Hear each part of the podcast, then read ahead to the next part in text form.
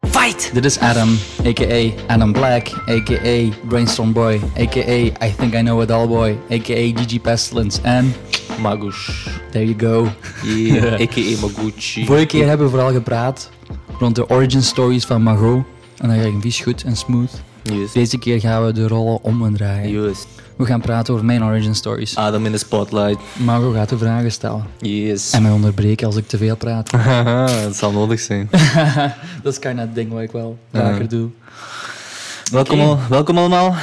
Dit is Adam. Het is vandaag 21 juli Yes. 2019. Yes. We hopen elke week een nieuwe episode eh, te draaien. Yes. Op dit moment hebben we episode 1 nog niet online gezet. Yes. Maar we zijn full-on in production mode. Dus ehm, Ja. we hopen daar het beste van te maken. Kruipt meer werk in dan we dachten. Maar dat is altijd in het begin.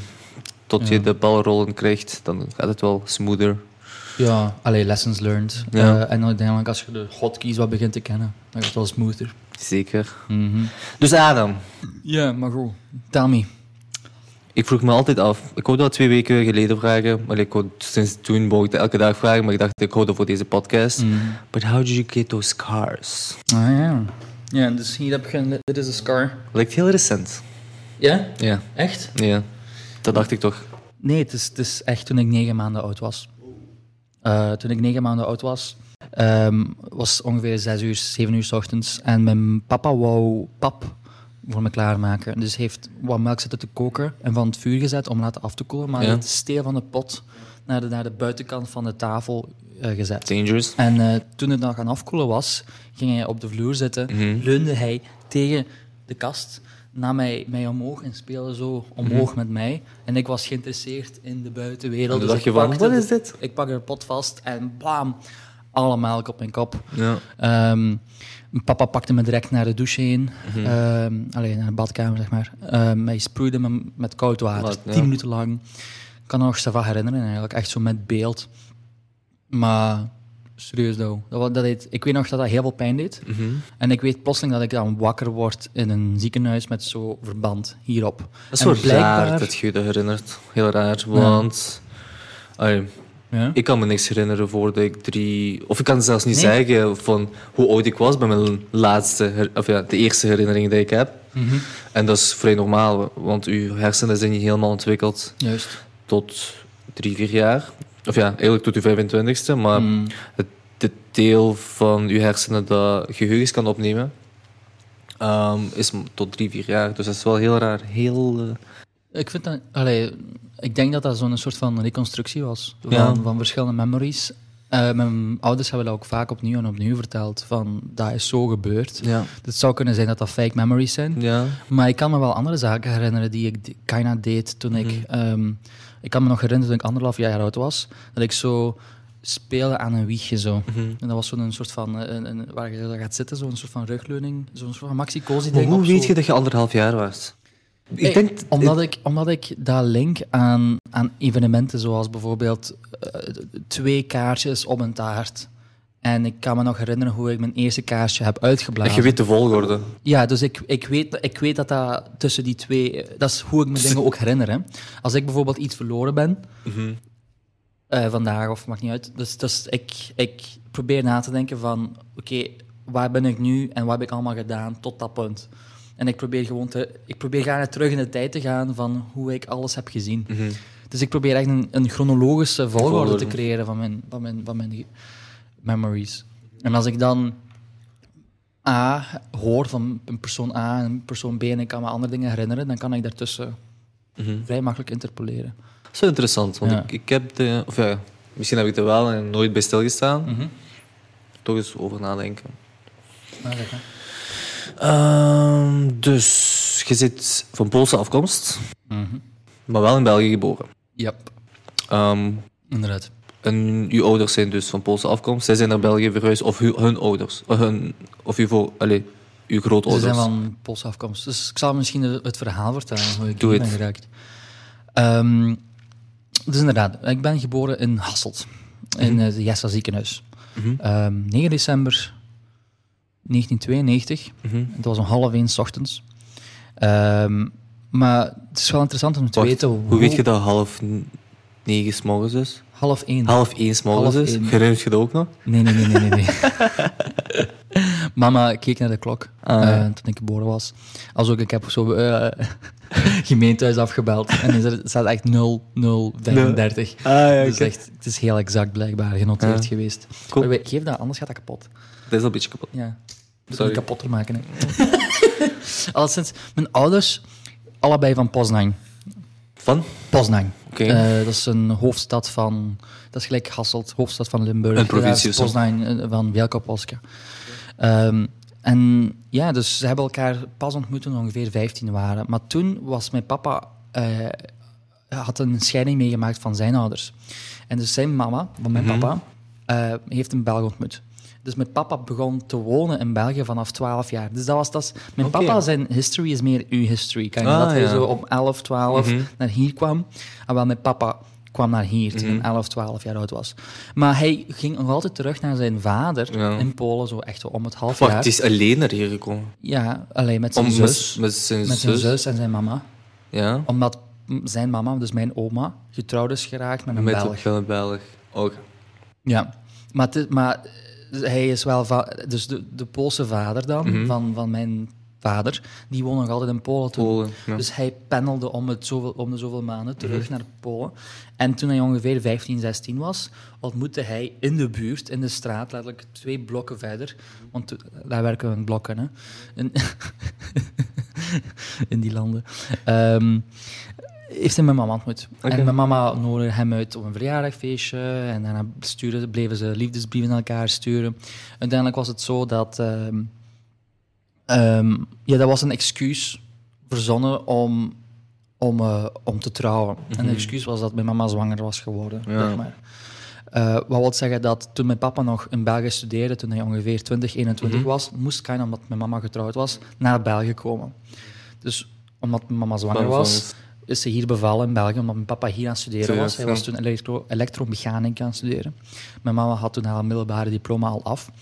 Eh, en toen ik hier geboren was, in het Jesse ziekenhuis, bleven mijn ouders een beetje hier. Eh, het was zo van, ah ja, maar je hebt een kind al. Oké, Mhm. ja, dan blijf, dan hier een huis. En ook al wouden ze altijd terugkeren naar Polen, zijn we nog altijd hier Blijven hangen. gebleven eigenlijk. Gelijk al die allochtonen. Blijven gewoon allemaal hangen. Ja, ik weet niet wat dat is, maar mijn ouders hebben nog altijd nogal schrik eigenlijk om terug te keren. Dus om een reden verzinnen ze verschillende van die spoken. Van dat gaat niet lukken, dat gaat niet lukken. Eh, hoe gaan, wat gaan we met kinderen doen? Wat gaan we met het werk doen? Eh, want werk vinden in Polen is zoveel moeilijker. Het was wel raar dat Om, u... omwille van de politieke fricties of whatever. Even terug te gaan op je verhaal. Het is wel raar dat uw eh, mama zwanger is geraakt voordat ze getrouwd waren. Want, dat, want ik weet dat ze heel gelovig zijn. Dat, allee, daar komen wel op waarschijnlijk. Dus... ehm, Juicy topic. juicy, juicy. Ja, ik weet niet. Ehm, heeft uw mama... Heb, heb je uw ouders er ooit op geconfronteerd? Want- Sowieso. Ja? Ja, ja. Wat was hun reactie? Twee of drie keer. En dat was twee of drie keer zwaar slaag, straf, twee weken lang. Ik moest schrijven. Hè? Straf schrijven. Ja. Ik, kan, ik heb ze niet bij. De Ja. reliquieën van mijn hand die schreef. Van, van alle straffen die ik heb geschreven. Maar ze zijn ergens in dit huis. Ja. Ehm, maar nee, dat was zo van Adam, what the fuck. Uw ouders zijn heilig. Uw ouders zijn de autoriteit. Als zij zeggen A, dan is het A. Als zij zeggen B, dan is het B. En Nooit- je mag de ouders hun autoriteit nooit, Nooit schenden. En nooit een vraag stellen. Dus bij gevolg, toen ik zei van, maar jullie hadden toch ook condooms of zo? Of jullie, of jullie hadden toch ook seks voor het huwelijk? Van, ja, maar Adam! Hoe, hoe durf je de, Ja, tegen de ja. koning te zeggen? Wees dankbaar dat hij de koning is, weet je? Zo, dat is zo de mentaliteit. Dus die vonden dat helemaal niet prettig. Eh, maar ja, inderdaad, om, om misschien het verhaal wat breder te trekken.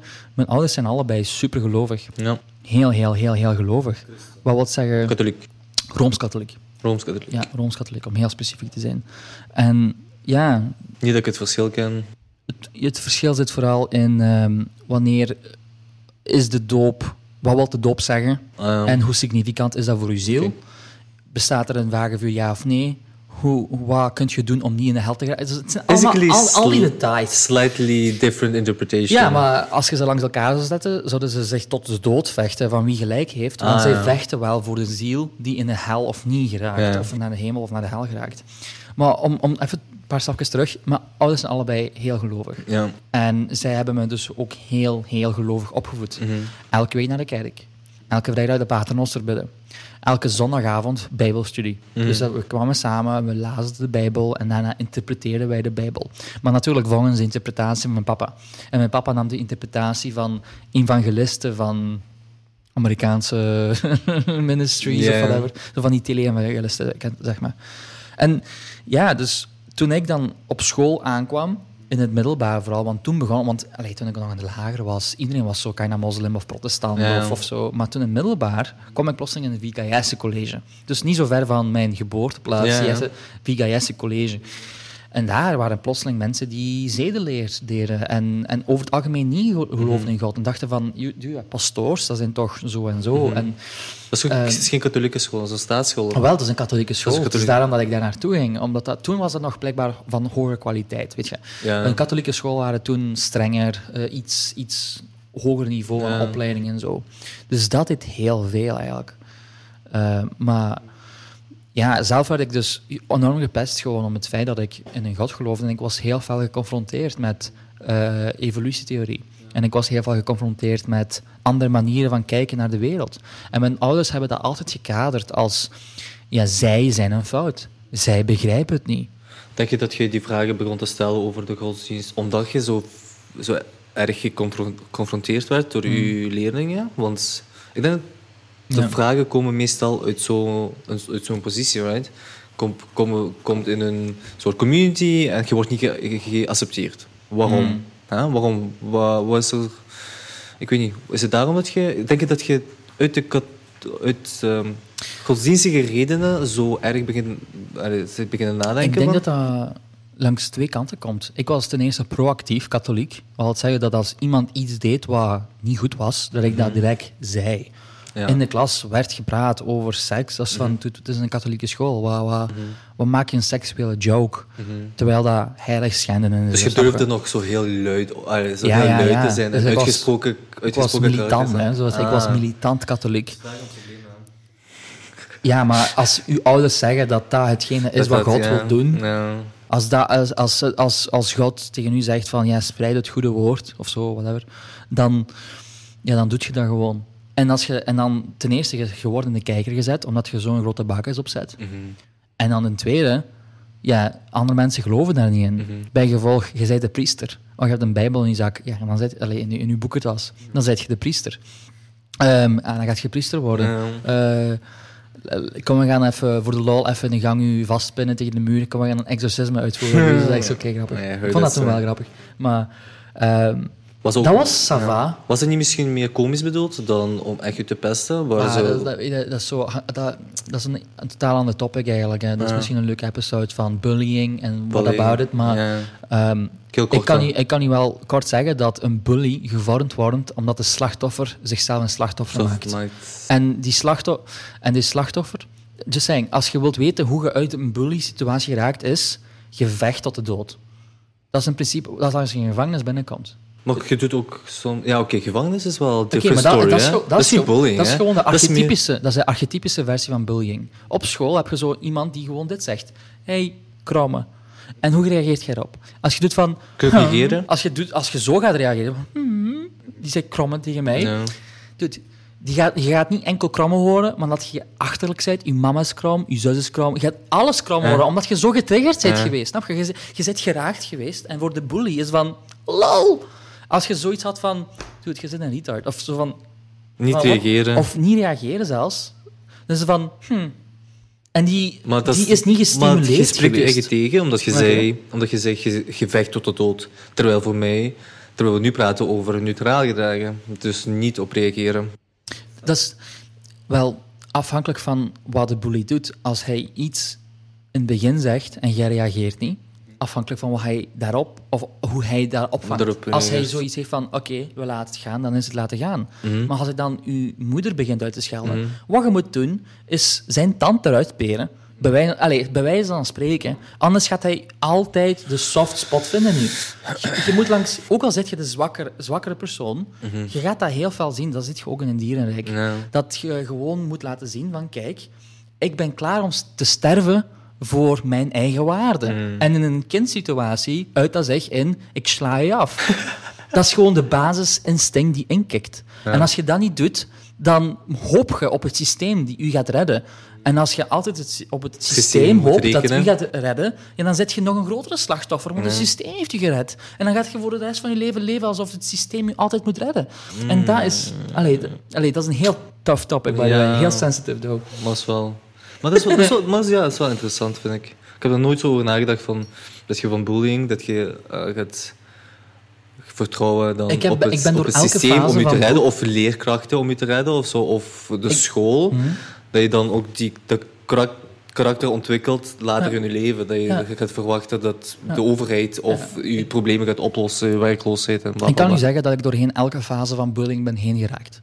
Van hulp zoeken bij de leerkracht, gaan wenen bij mama, Mhm. tot het zelf oplossen, tot het zelf zo onderbewuste oplossen. Dus letterlijk Mhm. door zo van die simpele zinnetjes te zeggen, die andere mensen doen nadenken van, wat bedoelt hij daarmee? Mhm. En dan van, ik ga dat misschien toch beter niet doen. Gewoon omdat ik schrik heb van wat hij daarmee bedoelt. En wat be- met, met dat laatste, dat is misschien een heel interessant ding. Maar om, om dit gewoon even opnieuw te zeggen, letterlijk. eh, ik was gepest, ik ga naar huis en ik ween. Of ik word gepest en ik naar de leerkracht en die leerkracht lost het op. Dat werkte nooit. Ik bedoel, mama heeft me getroost en ik ging terug naar school en ik werd opnieuw gepest. Mama zei, ja, je moet dat zeggen. Zei ik dat, maar dat kwam niet van mezelf. Dat, dat- ik deed niet, mm, ik deed niet van, wow, dat is mijn domein. Ik liet gewoon mensen constant meer en meer mijn... eh, eh, eh, en dat ging gewoon dieper en dieper en dieper. Totdat ik gewoon uiteindelijk zei van, oké, nu is het gedaan. Ik spring op iemand. En ik, en ik pin die vast. En ik schreeuw tegen zijn bakkes van, probeer dat nog eens. Jij... En we zijn allebei naar de directeur geweest. En ik kreeg niks en hij kreeg straf. Uiteindelijk- Ik heb uiteindelijk geleerd van... Het enige wat je kunt doen is gewoon zeggen: stop. Hier, hier stopt het. En als je hier voorbij gaat, dan gaan we vechten. En dat is, u, dat is uw beslissing. Maar als jij die, dit niet zet, dan gaat iemand anders dat hopelijk voor u zetten. En dan zit je afhankelijk van de, van de, de personen die de muren zet. Dus ja, zo. zo, zo. En eh, dus ja, en uiteindelijk, om, om, eh, ja, dus mijn reli- religie heeft mij heel veel beïnvloed. Beïnvloed, eh, van hoe ik nadenk en wat ik ver- moest verwachten van een vriendin, Mhm. wat ik moest verwachten van mijn toekomstig leven en zo. Mijn ouders dachten altijd dat ik een priester ging worden. Dat is echt, mi- dat is echt cringy eigenlijk. Wanneer zit je uit de katholieken geraakt? Toen ik eh, het, begon, religie. Het begon toen ik ongeveer 20 begon te worden. Zo 19, Mhm. En 20. wat gebeurde dan? Welke begon- stap heb je gezet? Of wat, wat deed je toen?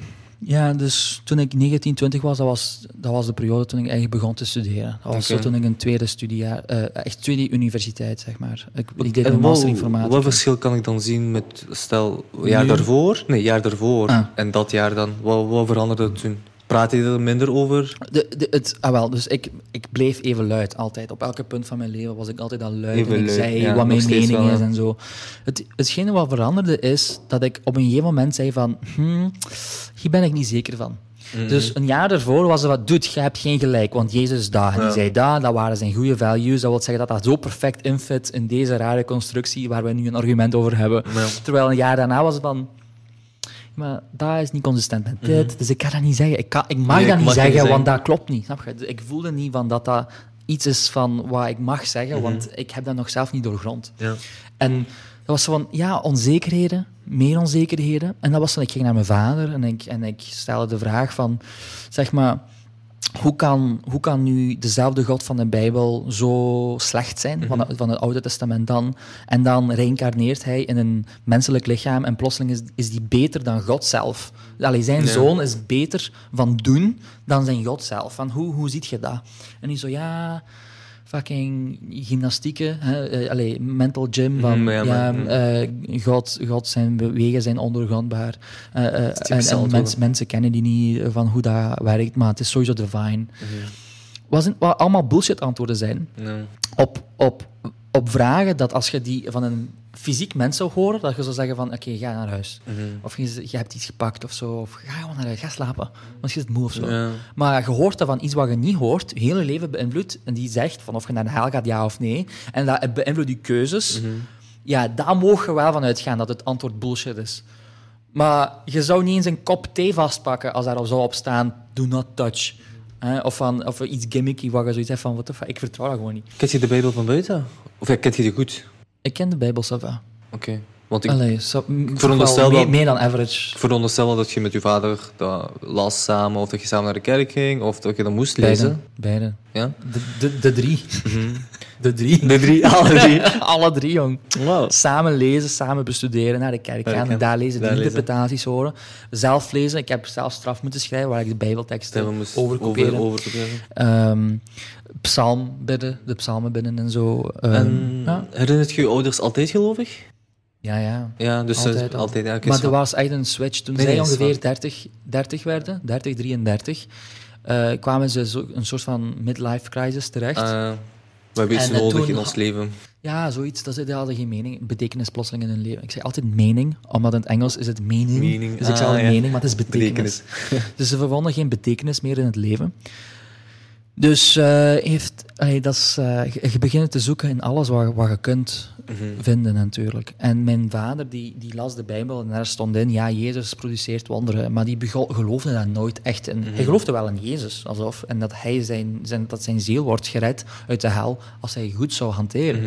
Maar het is pas toen hij van die tele-evangelisten en van die showmakers, van die hypno, hypnotherapisten en zo on- op, eh, in Amerika zag eh, spelen of toneelspelen op tv. Een lange zin, ja. Dus hij zag tv-evangelisten, zeg maar, op tv mensen helen en zo. Dus, eh, Van- dat, ah, het doet- dat? Van die ah. Benny Hinn van Jesus Lord, Dat zoveel- he came unto me. Er zijn super veel Ja. remixes van gemaakt op drum and bass. zo. Ja, ja, ja, ja, ja. Wow. Waar hij met zijn jas Ja, ja, mensen ja. slaat. Ja, ja. Ah, wel, dus letterlijk, mijn vader keek daar en, die van, en die was echt zo'n tranen in ogen. Maar je moet denken, als je zo'n fucking ehm karikatuur ziet, dan is dat makkelijk om belachelijk te maken. Mhm.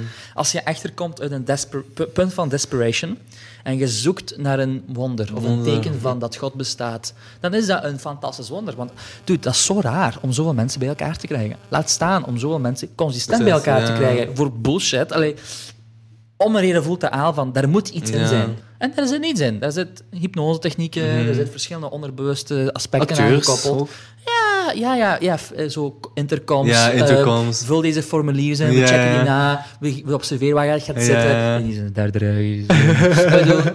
Er zijn acht opnames gemaakt van hoe die, hoe die frequenties worden Er opgenomen. is een heel bekende persoon die eigenlijk... ehm, heel, eh, allee, ja. Debunked. ja, die bankt. Dat was het woord dat ik zo James. Ramsey.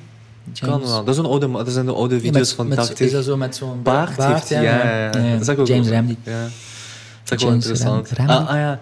En ook zo mensen die Ja. eh, niet toveren, maar, maar, maar zo... Psychic zijn. Ja, psychic Zo zijn. kunnen ja, ja. Dat is super funny, funny om te zien. Zo. En dan verandert je er iets aan. Ja, en dan ja. zo, ah ja, I lost my powers. Zo? It doesn't work when people Ja, watch. ja, zo, ja. of- of- dus er liggen van die papiersnippertjes op die pagina. Ja, dat interfereert met de energie. Ja, ja. En, en, en al die andere pa papieren niet, of wat? Dat is wel grappig. magnetoman. foto's- Heb je die gezien? Magnetoman? Dat is iemand die zo strijkijzers op Ah, zijn lichaam ja. kon zetten. En die zei, oké, nu gaan we uw, uw lichaam is meer met talkpoeder. dat glijdt opeens.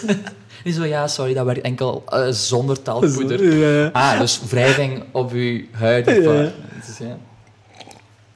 Nee, Alright. re- religie heeft mij... eh, dus ik begon eruit te geraken. Hè. Mhm. Eh, Heb je nu negatieve gevoelens towards, ehm, tegenover religie? Oh ja, dat is, voor mij is dat echt zo'n... Dat is een heel moeilijke vraag. Ehm, en wat ik daarmee bedoel is...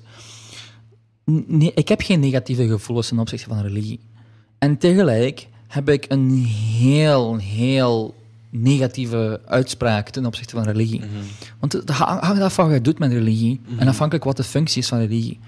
Als je religie historisch bekijkt, begroeid, kwam dat van, kom, we gaan hier een verzameling van verhalen aan u geven, die een perspectief kunnen Geven brengen leven of geven tot het leven. Mhm.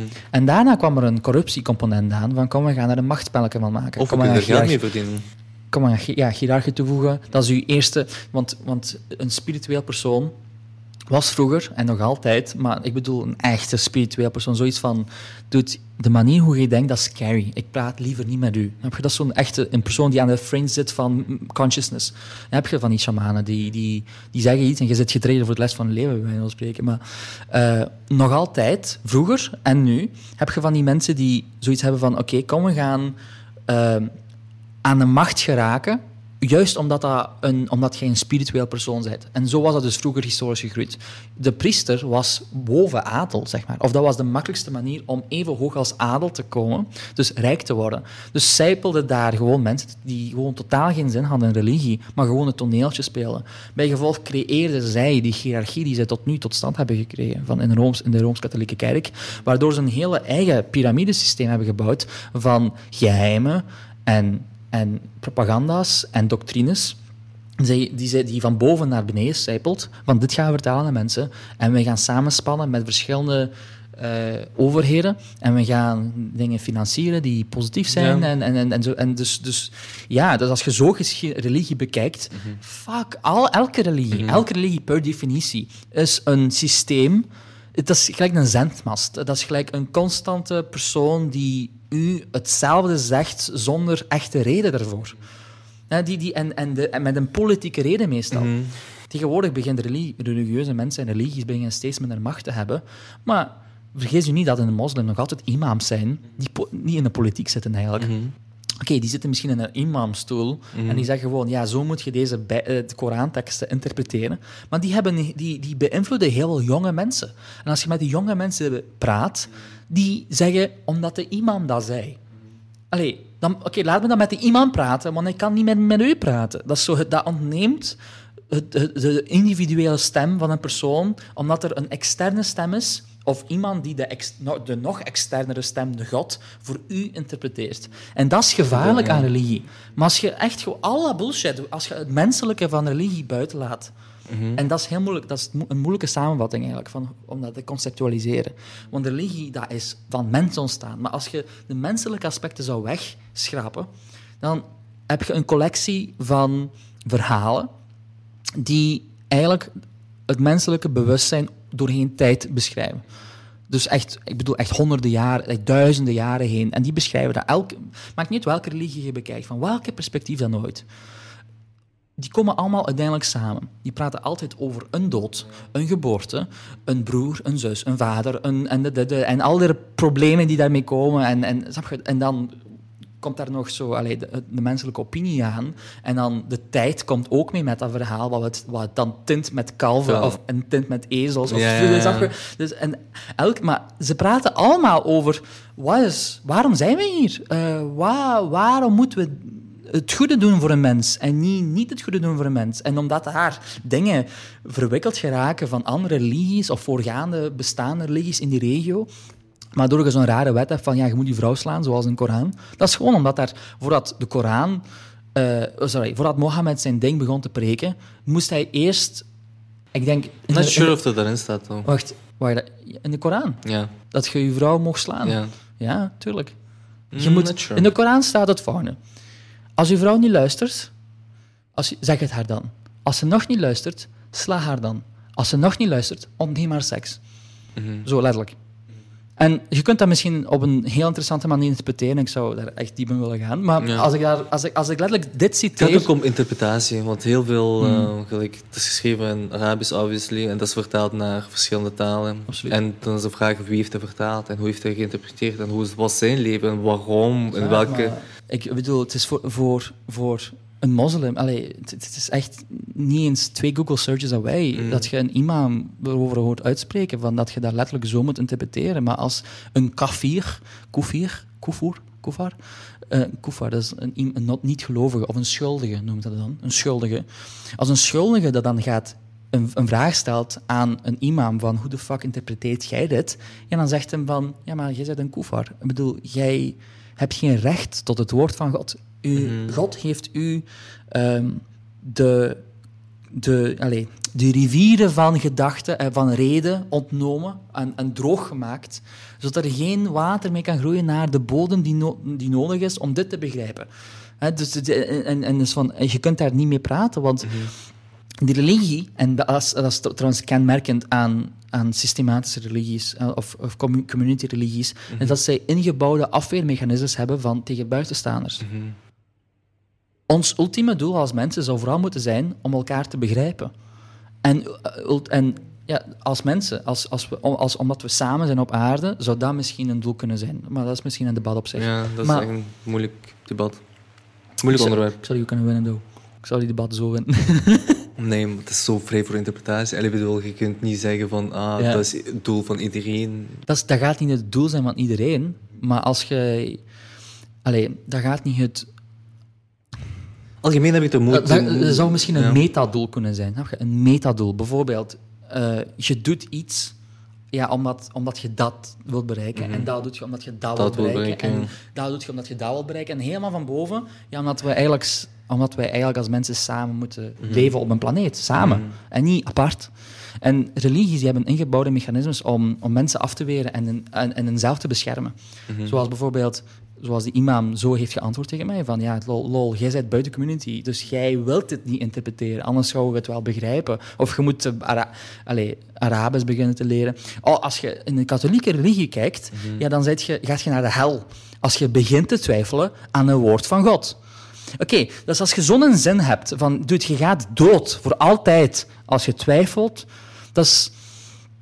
Allee, als buitenstaander is dat obviously a scam. Ja. Dat Maar als, als je binnen in die secte zit, of binnen in een religieuze kring, is dat van... Ja, who Oké, I'm knows? st- I'm stuck. Perhaps I'm gonna die, snap je? Ja. Mm. En, en dan is dat wel een, een grote issue. Hoe ben ik Zo- hiermee begonnen? We waren gewoon over godsdienst bezig. Omdat Ja. dat een grote invloed op je leven had. Ja, en we zien, we zien dat allemaal. Ik ben benieuwd hoeveel kritiek eh, hierop gaat komen. Oh. 10 miljard miljoen. Geef ze maar allemaal. Het ding is, op dit moment, op, in deze tijden hebben Google. Mhm. Dus als iemand mij een vraag stelt die je kunt googlen, dan ga ik gewoon een foto maken van een Google search Let me resultaat. Google it for you. Ja, zoiets. Allee, want, maar je moet gewoon eh, de tijd nemen om de perspectieven te willen bekijken. En niet zoiets hebben van, mijn perspectief is het enige. Ja. Ik, heb, ik heb serieus considered om een Jood te worden. Mhm. En serieus considered om een moslim te worden. En serieus considered om een hindoe, la la la, boeddhist. Al die dingen heb ik serieus considered. Maar op zichzelf staan ze niet recht in licht van eh, ehm, wetenschap. Wetenschap heeft ons zoveel gevraagd. Eh, tot een punt dat wij bijvoorbeeld dit kunnen opnemen. Dat is niet omdat iemand een, zin, een filosofische zin zei over hoe je die spoel moet wikkelen. Om dat te laten vibreren. Nee, nee, nee. Hier zijn, dat wordt getest, onderzocht, getest, onderzocht, getest, onderzocht. Maar je mocht dat niet doen met binnen de kring van de religie, mocht je niet testen en onderzoeken. Want als je er buiten gaat, gaat je naar de hel. Of doet, als je naar buiten gaat, gaat God je rechten ontnemen of whatever voor naar de hemel te gaan. Of ja, gaat dom worden. Eh, elke religie heeft zijn eigen immuunsysteem. En zelfs binnen materialisme. Op zich, over Dat religie, knalt hetzelfde. religie bijvoorbeeld. Ik heb nog nooit, niet direct een persoon ontmoet die heel religieus was, die, waar ik een negatief gevoel bij had. Voorbeeld, toen ik in Berlijn was aan het werken, bij onze, eh, mijn collega was een Amerikaan die Mormon was. Maar full-blown Mormon. Dus zijn vrouw Ja, was Mormon. Ik ken het, ja. Die was uh, missiona- uh, missionary geweest in Oekraïne. Dus ik kon ook Russisch praten. Allee, dat klikte wel. Hè? En we zijn ook beste vrienden geworden. Oké, super. En ehm, ik heb dat ook niet via hem. Die heeft dat nooit aan mij verteld. Wat grappig is. Snap je? We waren twee maanden samen aan het werken. En een van mijn andere collega's vertelt me, uh, aan mij van... Ah, did you know uh, Jeremy is uh, Mormon? En dat was ook zo... Hmm, interesting. Ik ken ook nooit... Allee, snap je? Er is niks mee met, met de waarden van Inderdaad, dus ik- mijn punt is... Uiteindelijk gaat het om hoe je... Ja, ik weet niet. Ja, wat je daarmee doet. is... Religie Wat je daarmee doet. Ja. Ik bedoel, ik geef je een mes. Wat je met die mes kunt doen, Mhm. het, het aantal mogelijkheden is oneindig. Of een pistool. Ja. Maar dus daarom wil ik zeggen, religie op, zich, doen? religie op zich is niet slecht dan, maar het gaat om, heb je een slecht persoon en je Mm. maakt niet uit wat je aan hem geeft, of het is religie of een mes of Absoluut. whatever, die gaat dat zo interpreteren eh, wat negativiteit gaat brengen. Wel, ik zou, ik zou op dit kunnen zeggen, ja, volledig, dat is 100% waar. Echter, religie laat ons historisch unaniem zien dat dat een, eigenlijk een systeem is om mensen in een richting te laten denken. Maar dat is ook goed, Oké? want Histo- ik- dus als we historisch die, de term religie nemen, dan zitten we vast aan slechte voorbeelden. Dus daarom dat er ten eerste zoiets in ons- slechte voorbeeld? Slechte voorbeelden. Allee, het historische slechte... Dat is net zoals... Doet werkcommunisme? No. Allee, en waarom niet? We Not sure. we hebben, we hebben geschiedenis... Wat lief? Not sure. Want het, Ja, ja. dit was nog altijd nooit in praktijk. Ja, het, het was zo pra- praktisch mogelijk toegepast. Het was, eh, ze probeerden dat zo rationeel en praktisch mogelijk toepassen. En dat is ook het verhaal tussen een rationele keuze te maken, niet gebaseerd op uh, allee, transcendentale emoties, zoals bijvoorbeeld denken aan de ander. Allee, communisme kan niet bestaan in eenzelfde daglicht als bijvoorbeeld ik, ik, ik keir om u. Want anders kun je niet zeggen van oké, ik keir om u, maar ik pak het recht af, uh, zodat jij voor jezelf denkt. En dat is wat communisme uiteindelijk doet van oké, dus jij gaat niet akkoord, oké, dan ga je doodmaken. Want dat is de enige oplossing. Of we sluiten je op, of je moet dit geloven. Maar hoe gaat je nu controleren hoe iemand iets denkt? Want een geloof is hoe je denkt. Dus enkel gewoon als je daarvan uitgaat, splitst je mensen en je neemt mensen hun vrijheid af, omdat je letterlijk uw wet opneemt of uw vrijheid. Je, moet delen, jij moet dit doen. En het is daarom dat zoveel mensen stierven in, in, die, in, de, in de implementatie van de communistische rijken. Dat is de reden waarom mensen stierven, omdat sommige mensen niet akkoord gingen. Maar iedereen is gelijk fucker. Dus met andere woorden, wat, wat gebeurt er? Ja, dan worden mensen massaal doodgemaakt. Katting. Communisme op grote schaal werkt gewoon niet, denk ik. Oké, okay, maar... Ja. Daarom, wat je ja, zegt, okay. te, veel, te veel meningsverschillen. Ik ben communist mm. met mijn vrienden, met mijn familie. Oké, okay, maar dat, is dan, dat, is, dat, is, dat zit dan in het woord com community. Hè? In het woord zit in het woord. Maar dat, dat is het probleem met isme. Isme is het systeem dat werkt mm. en dat moet werken als je daarbij wilt behoren. Terwijl een communie, hè, een communie, dat is perfect oké. Ik bedoel, dat is van, ja mensen, ik, vandaag is mijn, open, mijn, mijn, uh, mijn, huis open voor communie, of bij wijze van spreken. Dus mensen komen hier om te gratis te komen eten. En ik, en ik commune met de mensen. Daar, met, in de handeling zelf is er niks. Het is, het is waar, hoe, hoe pak je dit en hoe pas je dat toe? Mm Je hebt religie. En die zegt, ja, God is, er is maar één God. En die God beslist of je goed bent of niet.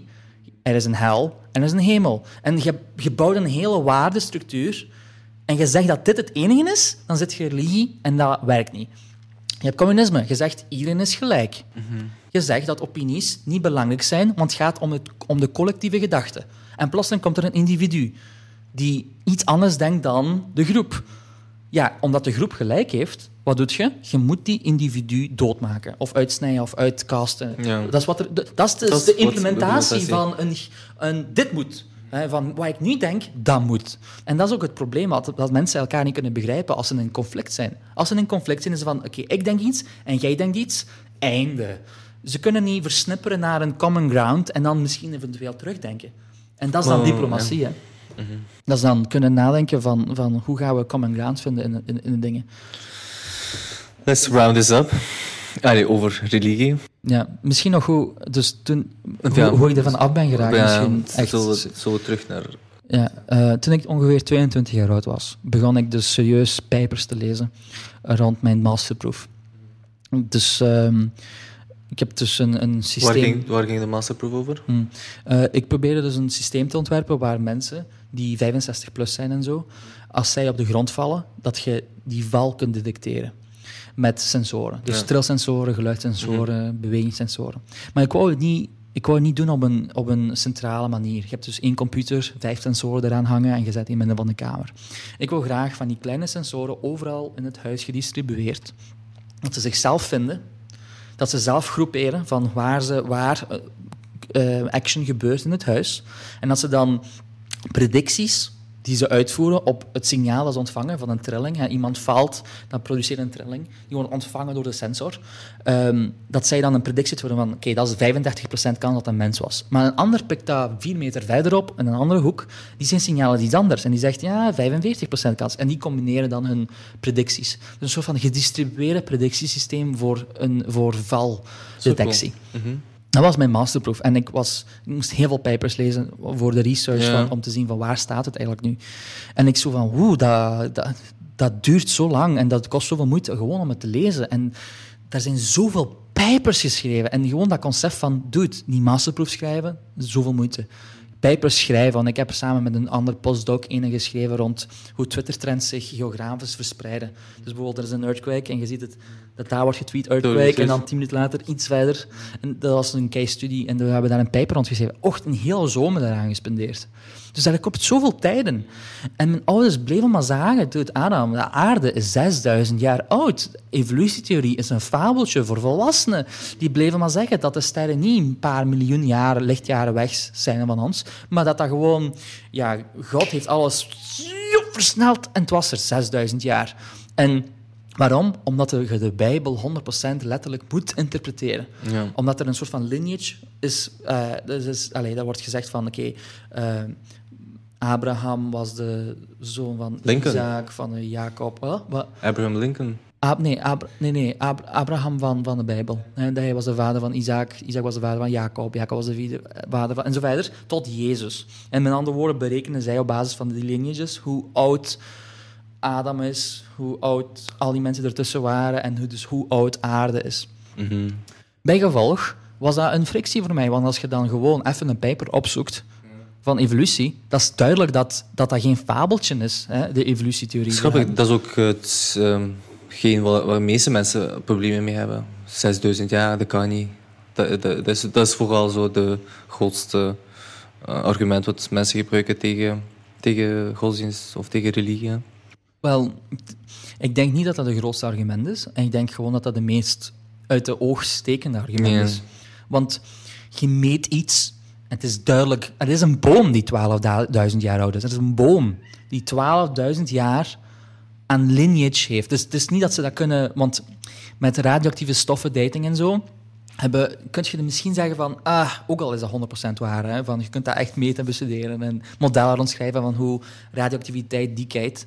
Dus je kunt een, een, een, een, een stukje rots, kun je daten tot een paar Ja, miljoen ja. jaren oud. Mhm. Maar stel dat je daar zelfs niet gelooft. Er zijn bomen die je ring per ring kunt traceren van bomen die nu leven tot de oudste boom die we nu kunnen traceren, 12.500 jaar oud. En zij zeggen, ja, de aarde is ontstaan 6.000 jaar oud. En dag 4 ontstaan de bomen, of drie of zo. Dus dat is van, oké, dus als dit al een probleem is, waarom zouden dan zin 2 interpreteren alsof het echt gebeurd is? Als allee, de eerste stap al een issue geeft. En, en het, zijn, het zijn van die... Kijk, te- ik heb zoiets van, waarom zou je in ten eerste argumenteren tegen een religie, toch? Want zoals je hebt, je hebt, je hebt het net gezegd, die Mormon guy. Perfect chille kerel. Ik bedoel, als mensen mij zouden beschrijven toen ik religieus was, ja, ik had af en toe een grote mond, maar dat is gewoon in mijn aard. Ik heb nu nog altijd een grote mond. Nee, het verschil is wel, je wordt uitgesproken over religie. Ja. En hij totaal niet. Hij houdt het voor zijn eigen. En die vindt, die vindt niet nodig de- om dat iedereen ervan weet. Dat is niet, ik, hij, wil, hij wou me niet Ja. overtuigen, die wou me niet mee naar de kerk slepen. Was gewoon, we waren gewoon vrienden. Oké. En dat is wat het verschil, ik denk, wa- waarom je ook het moeilijker had, is omdat je er zo zelfzeker wordt. Maar dat heeft ook met je karakter te maken waarschijnlijk, dat je zo 100%. heel uitgesproken bent. Hon- 100% dat dat daarmee te maken heeft. Maar ik denk toch echt hoor dat ehm, een religieuze persoon op zich, ik heb daar geen probleem mee. Het is, mijn, ding is van hoe, hoe, hoe trouwt jij je, je religieus geloven met wetenschappelijke feiten of zeg maar hedendaagse gebeurtenissen? En hoe denk je daar politiek over na? En wat bedoel ik politiek? Politiek wil zeggen, met andere woorden, eh, eh, als jij een re- regel zou schrijven van hoe het zou moeten zijn, wat zou dat dan zijn? En dus er is een probleem in onze society. Dat kan zijn wat de fuck je wilt. Dat kan zijn immigranten, dat kan zijn letterlijk hoe je belasting betaalt. Politiek is verzin een regel die dit probleem oplost. Policy, met andere woorden. En als jij in een religie echt zwaar gelooft, dan pas je je heel dat geloofssysteem. Want dan zit nu onder, dat, is, dat is letterlijk je background noise. Constant, dat is je background, shh, dat, is, dat is muziek in je kamer die aanstaat. Dat beïnvloedt je, je, je doen en gedrag. En, en ja, exact. Dus, dus zo'n persoon die heel religieus is, die gaat anders nadenken over de feiten. Die gaat bijvoorbeeld tegen het homohuwelijk zijn. Allee, het duurde een halve generatie of een hele generatie voordat mensen zoiets hadden van homo's, was er geen probleem. Juist omdat bijna religie, homoheid en homoschap, of ik weet niet hoe je dat moet noemen, dat zo slecht maakt. In België was dat heel duidelijk. Ik weet niet of dat echt aan religie te... Allee, Aan schuld aan katholiek- religie aan- Dat is gewoon misschien iets wat Dat is een, dat is een katholieke waarde. Dat is een katholieke waarde. Ja, ik weet, dat staat, wel, dat staat in de Bijbel. Hè? Ja, ja, maar we moeten niet vergeten dat in, ons 100 jaar geleden mocht je durven te zeggen dat er geen God bestaat, Mhm. dan dat, dat ging niet. Hoe kun je nu zeggen dat deze tafel niet bestaat? Burn the witch. Ja, maar hoe kun je nu zeggen dat euro niet goed is? Hang hem. Maar zo dachten mensen vroeger over religie. Dus als we dat nu, omdat wij dat nu in onze wetenschappelijke, eh, wetenschappelijke in onze moderne tijd kunnen reduceren tot ah, dat is maar een gedachte, dat is maar een background noise, wil het niet zeggen dat er nog altijd de mens, som- sommige mensen aan de macht heel, heel fel beïnvloedt. Je, je, je overtuigt een persoon fel genoeg over zijn doen en je koppelt daar een extremistische factor aan. Van kijk, als je dit doet, als je deze Dat is actie niet altijd, uitvoert- hè? Nee, Extremistisch. dat is, dat is niet altijd. Maar je hebt, je, hebt, je hebt een extremistische actie en je hebt een gemiddelde actie. Een gemiddelde actie is bijvoorbeeld, en dat is nog altijd zo, dat in de Amerikaanse regering, dat je niet atheïst mocht zijn, of je wordt quasi niet toegestaan tot in de... Allee, er zijn drie atheïsten tegen, te- tegen 200 en zo, theïsten en zo, die echt zeggen van ja, God bestaat, Jezus is de enige die bestaat en moslim is bullshit en boel.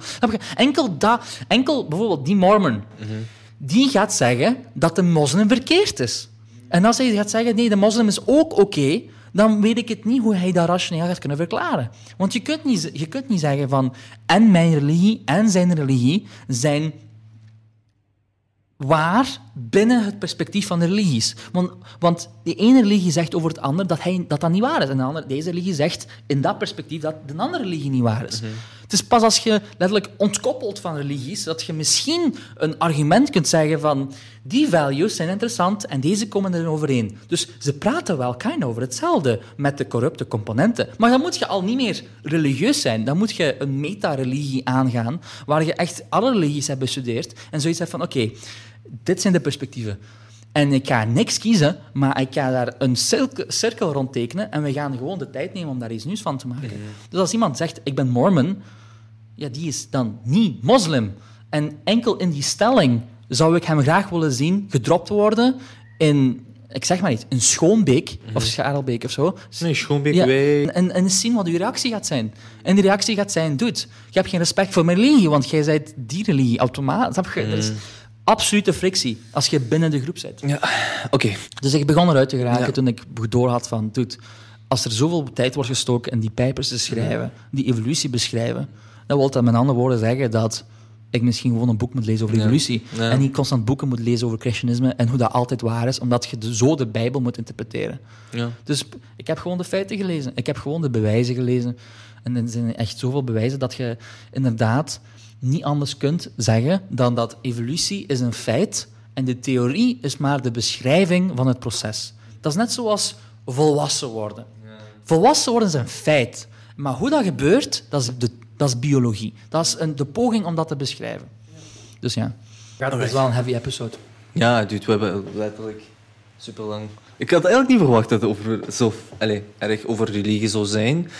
Maar om eerlijk te zijn, ik begrijp het wel. Het is Want, maar gewoon met geschiedenis. Als Ja, dat niet met geschiedenis zou zijn, dan zou maar nee, ik had het niet verwacht omdat we daar nooit over praten eigenlijk. Dat is zo een paar keer gewoon aangedaan. We, we filosoferen gewoon heel veel en we praten Zwaar. over technologie en dit en dat. Dat is eigenlijk de eerste keer dat we zo, Dat zo lang over religie praten. Ook al, Om ook- ja. ook al. Ja. Algemeen, ik, ja, voor, voor mij zijn gewoon Hmm. feiten populaire meningen. En het is gewoon moeilijk te zeggen dat is juist of dat is juist. Ja, Ehm, algemeen, is ook zo. ik- gelijk jij, ik ben gewoon mijn eigen weg aan het zoeken. En ik neem de goede dingen. Snap je? Ik interpreteer alles. Ik denk, dit, is, dit past niet in mijn, Ja. in, in mijn wereld. Ik vind Ja. dit misschien ook niet juist. Dus Ja. ik ga dit kopiëren, over nadenken en ik implementeer dat. Dus ik, ik pas ook niet in hokjes. Ik, en ik haat hokjes denken. Absoluut. Want dat is zwart-wit denken. Ja. Het is heel leuk. Het is veel, veel beter om eh grijze zones te zoeken. Altijd na te denken van... Hmm. ehm, ja. Ik heb, ja. ik dan een vraag misschien voor u. Oké. even, even switchen, hè. Ja. Maar... Hoe, hoe staat jij tegenover zo'n stelling dat het beste zou zijn om alle soorten geloof kapot te maken?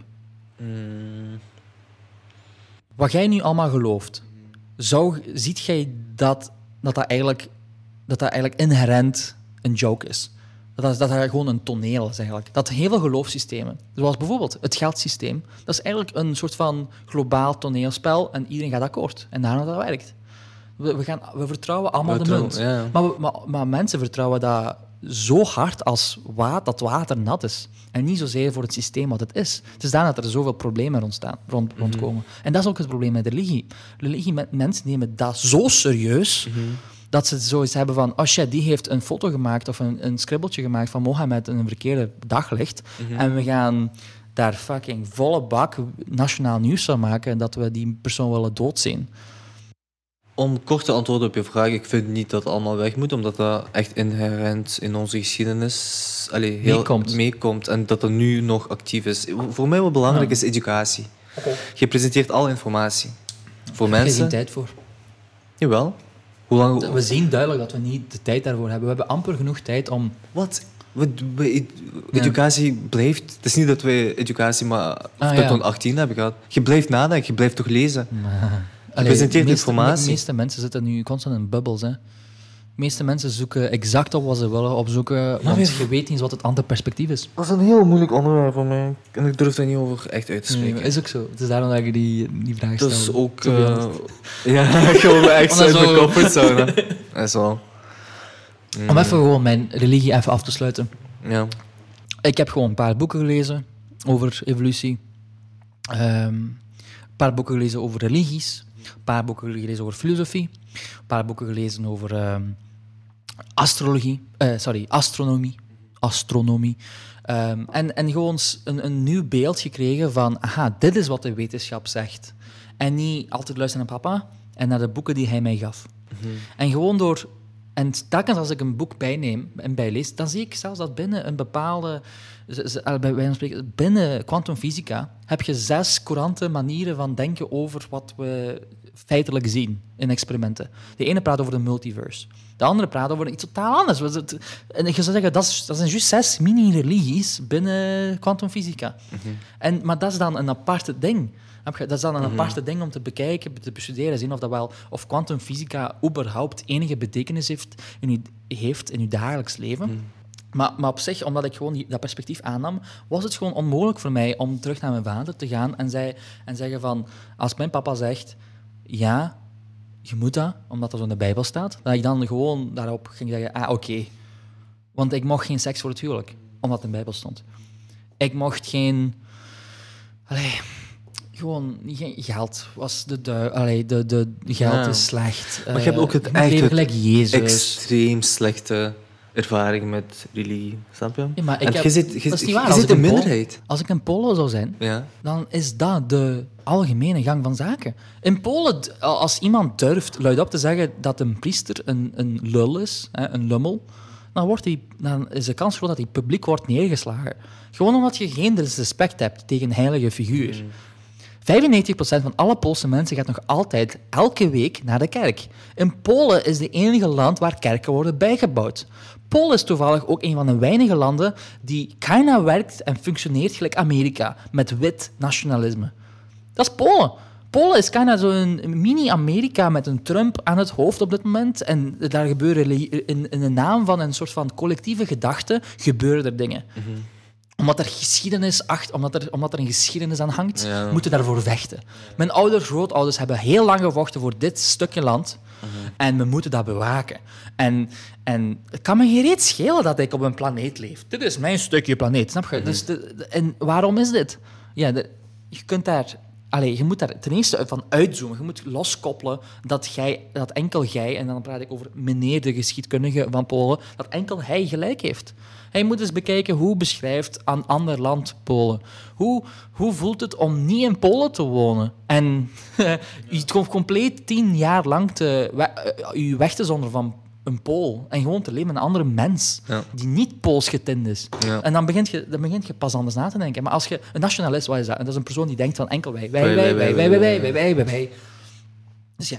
Dus, en zo ben ik dus stilletjes aan losgekoppeld. En omdat ik, toen ik met mijn vader daarover begon te praten, was dat gewoon harder en harder en harder. En mijn kaarten begonnen allee, beter en beter te worden bij mijn Yu-Gi-Oh! packs. Eh, dus mijn anti-religieuze argumenten begonnen gewoon beter en beter te worden, waardoor ik zulke kaarten legde die meer iets zeiden over de speler, dus mijn papa die zijn argumenten legde op tafel, dan de kaarten die hij speelde.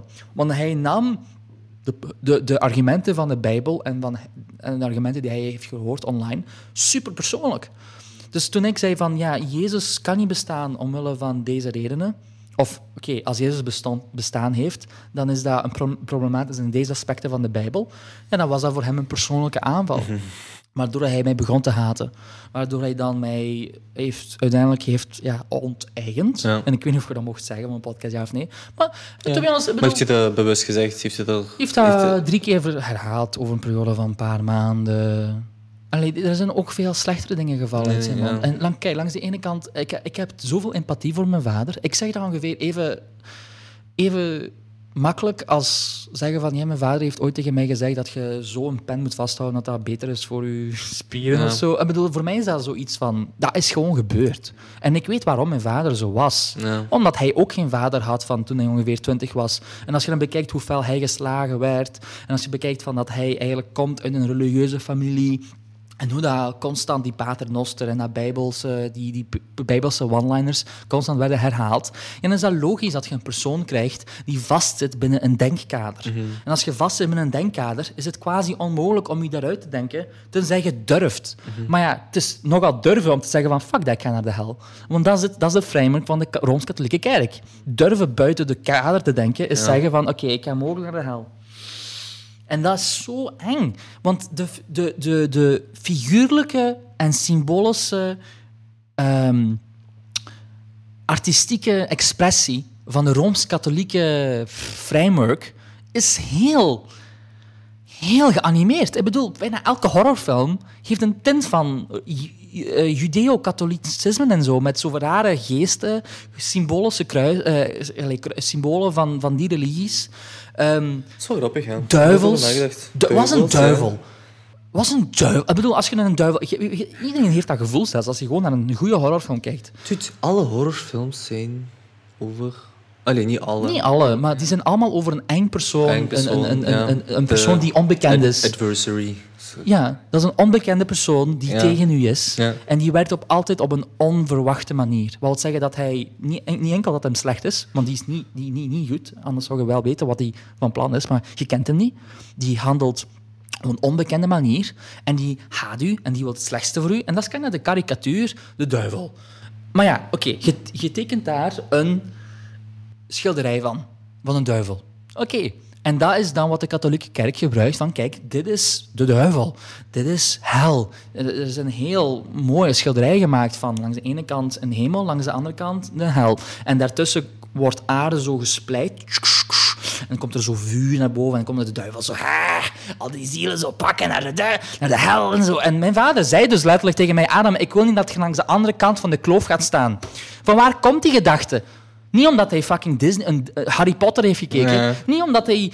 eh, Allee, je kunt zo op zoveel rare... eh, eh, ehm, op zoveel rare... Hoe noemt dat? Ehm, je kunt op zoveel manieren aan inspiratie komen. Mhm. Maar mijn vader kreeg zijn inspiratie van schilderijen, katholieke symbolicisme en de doctrine. En dus bij gevolg dit doen, dit durven te doen. De, de- enkel de gedachte om te denken van, misschien bestaat God toch niet. Om, gewoon omdat bui, omdat bui, een contradictie. Ja, dude, je wilt gewoon, als je wilt, die nacht niet gaan slapen met constant de duivel in zijn uiterste vorm in je kop die naar u schreeuwt. En dat is trouwens wat ik had. Van het moment dat ik wegging van religie, Ja. plotseling had ik fucking duivels voor mijn ogen als ik ging slapen. Ik had het gevoel dat er geestactiviteit was in mijn, in mijn kamer en zo. Maar dat is gewoon omdat, dat is gewoon omdat die, die symboliek, die komt naar boven, omdat dat wordt verwerkt. Dus projecteert je dat in je omgeving. Mag ik een voorstel doen? Gaan we stoppen met bashen op religie? Ik ben niet aan bashen op religie. Ik ben gewoon- wel. Ik ben alles in context aan het zetten, ja. En context. Mm. Als, je, als, als mensen praten over religie, over de waarden en normen, Mhm. dan kunnen we altijd vrienden blijven. Maar als je zegt dat uw religie de enige religie Maar is heeft niet alles waar, een eh, donkere kant? Heeft niet alles een slechte kant? Absoluut. Maar het is daarom dat religie trouwens een slechte kant heeft. Omdat net zoals onze kant van de aarde nu donker is, Alles en, heeft en ene, ene kant is licht, de andere is donker. Zo is het menselijke leven ook donker Mhm. en soms licht. Alles is Deze podcast maken heeft donker een kant. Snap je? Het is Ja. superveel moeite. Er straks zijn gsm's allee, uitgevallen, niet uitgevallen, memory full. Allee, 100%. alles geeft u positieve, Ja. positieve en negatieve Er is- energie. En dat is gewoon Kijk, waar je de balans zoekt. niet-. Om gewoon even de record straight te zetten. Ik, ik zeg niet dat religie inherent slecht is, Mhm. of überhaupt slecht. Ik zeg, of, of dat de waarde van religie niet bestaand is. Dat zeggen trouwens heel veel atheïsten wel. Religie, dat heeft geen Heeft geen waarde. Het waarde. zou best zijn als dat niet bestond. Dat is niet Dat wat is ik heel zeg. zwart-wit denken Ja, dat ja, vind ik ja. niet leuk. Dat is helemaal niet hoe ik nadenk, nadenk. Voor mij is religie misschien zelfs het belangrijkste wat we hebben gekregen van een geschiedenis om daarvan te leren. Misschien door religie zijn we zo ver geraakt. Ook al, absoluut. Als je, als je geschiedenis fatsoenlijk bestudeert, is eh, ook al... En Ook al zijn je- er slechte dingen gebeurd, Ja, ja. uiteindelijk... Ja. Voilà, maar zelfs niet religieus, maar pak Mhm. zoiets raar als kapitalisme. Ook al is het, we zien dat nu al bibberen en in elkaar storten, Cheeky. heeft ons heel ver gebracht. Hetzelfde met religie. Je ziet dat fucking, het is al lang ingestort en het gaat nog harder instorten. Ja. Maar het heeft ons heel ver gebracht. heeft ons laten denken als een community, als een grote community nogthans. Maar gewoon, om, om, om even te zeggen, waarde zit erin, utility zit erin. Het is vooral van, hoe fel zijt jij overtuigd dat dat de enige manier is om naar, naar het leven te kijken? En daar zit het gevaar in. Want jij hebt dat niet, ik heb dat niet. En letterlijk de 100 kilometer straal van deze huis heeft dat mogelijk. Oké, misschien 20 kilometer van de straal van deze huis heeft dat niet. Maar je gaat gewoon allee, je gaat naar een ander land waar het wel zo is. Syrië, Libië, eh, Pakistan, Kazachstan, al die landen. Als je, daar is er een... Kazachstan is trouwens niet moslim, hè? Nee, Nee. wat was het dan? Katholiek of Orthodox of zo? Orthodox? Kirill orthodox, hè? wat? Ah, oké. Trouwens... Ik denk dat dat ja. een mengeling was van, van dat 40, kan, dat 60 kan wel en- eigenlijk, ja. Ja. Alle, ja, alleszins... Ja, Ik zal even... We zullen afsluiten met mijn kleine mening over islam vooral. oké. Het jammer Want je was een ik- moslim toch, hè? Ja, Hoe, Ja, hoe ja. lang? heel mijn leven. Tot? Nog altijd, of? Ja. En ik, ik durf... Ik spreek me niet uit over wie ik ben of niet. Ik ben. Mar- ik ben Margot. Bam. En ehm, ik vind het jammer. Dus wat heel veel, eh, weinig mensen weten is... Wat is, wat is het grootste moslimland? Grootste moslimland? Een, land met de meeste mosliminwoners. Wat denk je? In Europa? Of Over heel de wereld. in de wereld? Het land met de meeste moslims? Ja, dat staat nu een goede vraag. is Indonesië. Oké. Dat Indonesië. Dan, dan heb je Indië, Pakistan. Mhm. Eh, en ik vind het jammer als door, eigenlijk door Amerika of door media associëren mensen islam met Arabië. Ah, Snap je? ah, dat heb ik niet eens gedacht. Nee, Nee? nee. nee. Oké. Ik heb niet aan Arabië gedacht. Want dat, als ik die vraag stel, heel veel mensen denken dan aan Arabië, de Ja. Arabische landen. Ehm, terwijl daar juist de corruptie zit. De- ik, vind, ik ben echt niet fan van Arabische landen, om heel eerlijk te zijn. En ik vind het jammer, ik vind jammer dat Tsjetsjenen daar het voorbeeld van nemen. Mm. Dat, dat is zo'n beetje slavengedrag. Handjes kussen, luisteren. be- eh, snap je zo? Dat is Mm. niet wat de core islam is en dat is niet wat de meeste, is- eh, meeste islam, eh, islamisten doen of gedragen. Of ja, je hebt ook Shiiten, eh Soenieten. Je hebt er altijd verschillende. Hmm. Dat is het enige wat ik jammer vind aan Tsjetsjenen. En dat zit niet in Tsjetsjeense roots. Want wij waren altijd eigenwijs. We waren moeilijk te conqueren. Rusland is nog Ja. altijd, heeft nog altijd Nee, nu heeft hij geen moeite meer. Puur Hmm. omdat we nu die Arabische landen hebben aangetrokken. En dat is wat ik niet, niet fijn vind. Ah, maar vroeger, we waren echt eigenwijs. Er was no way dat, je- dat een land Tsjetsjenië kon conqueren. Mongolen, Mongolen hebben dat geprobeerd. Die bleven proberen. Uiteindelijk hebben ze gezegd, kijk, we gaan er naartoe. We gaan shake hands. En we gaan hem met rust laten of samenwerken. Zo was het hè, met Mongolen. En hoeveel andere landen hebben Mongolen niet veroverd, snap je? Ehm, ze hadden met Rusland eh, ook heel vaak geprobeerd en gefaald. En eh, ja, dat is het enige wat ik erover ehm Dan, wou is, dan is de vraag, en ik wil er niet nog heel lang over praten eigenlijk, maar het is wel een heel interessant topic. Ehm, denk je dat.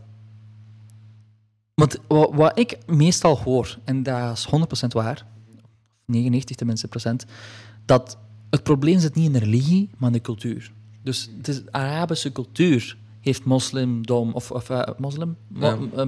ja, nee, moslimhoed, Islam. heeft islam ehm, corrupt gemaakt, of, of verkeerd geïnterpreteerd, of verkeerd toegepast. Terwijl Ja. Indonesië, die heeft dan een knal dezelfde religie, Ja. bij wijze van spreken, en die doen dat op een totaal andere manier. Mhm. En dat is dan het grootste argument van een liberale.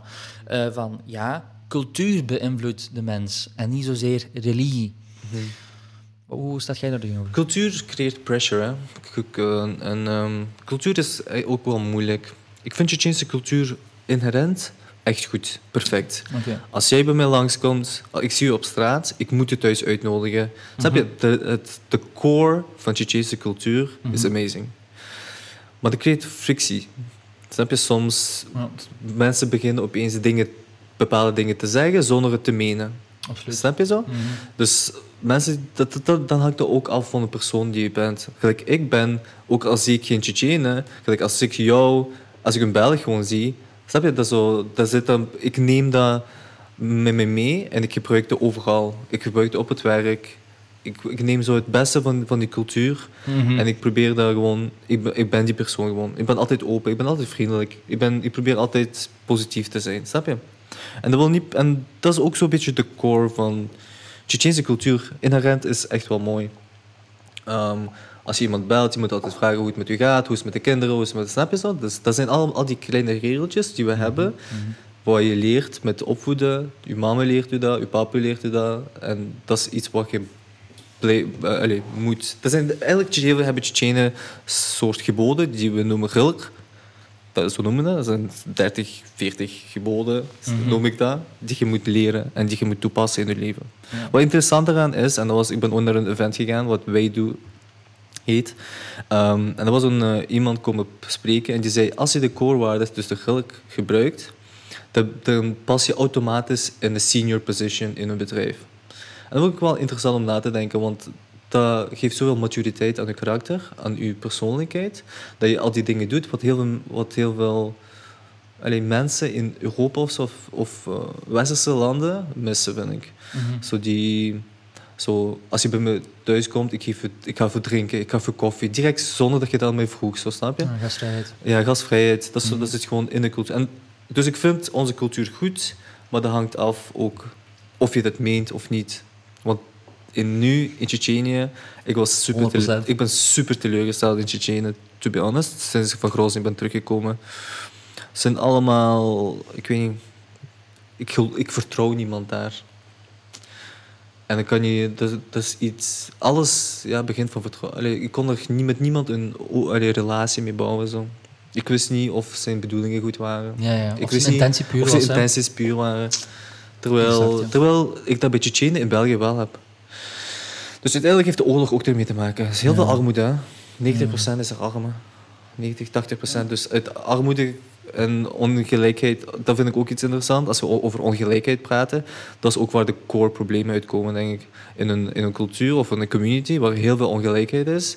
Dat is waar depressie komt, criminaliteit, ik denk alles Mhm. eh, door ongelijkheid. En daar heb je, daar heb je nu Tsjetsjenië. eh, en wacht, ik, ik, ik heb het net gedaan.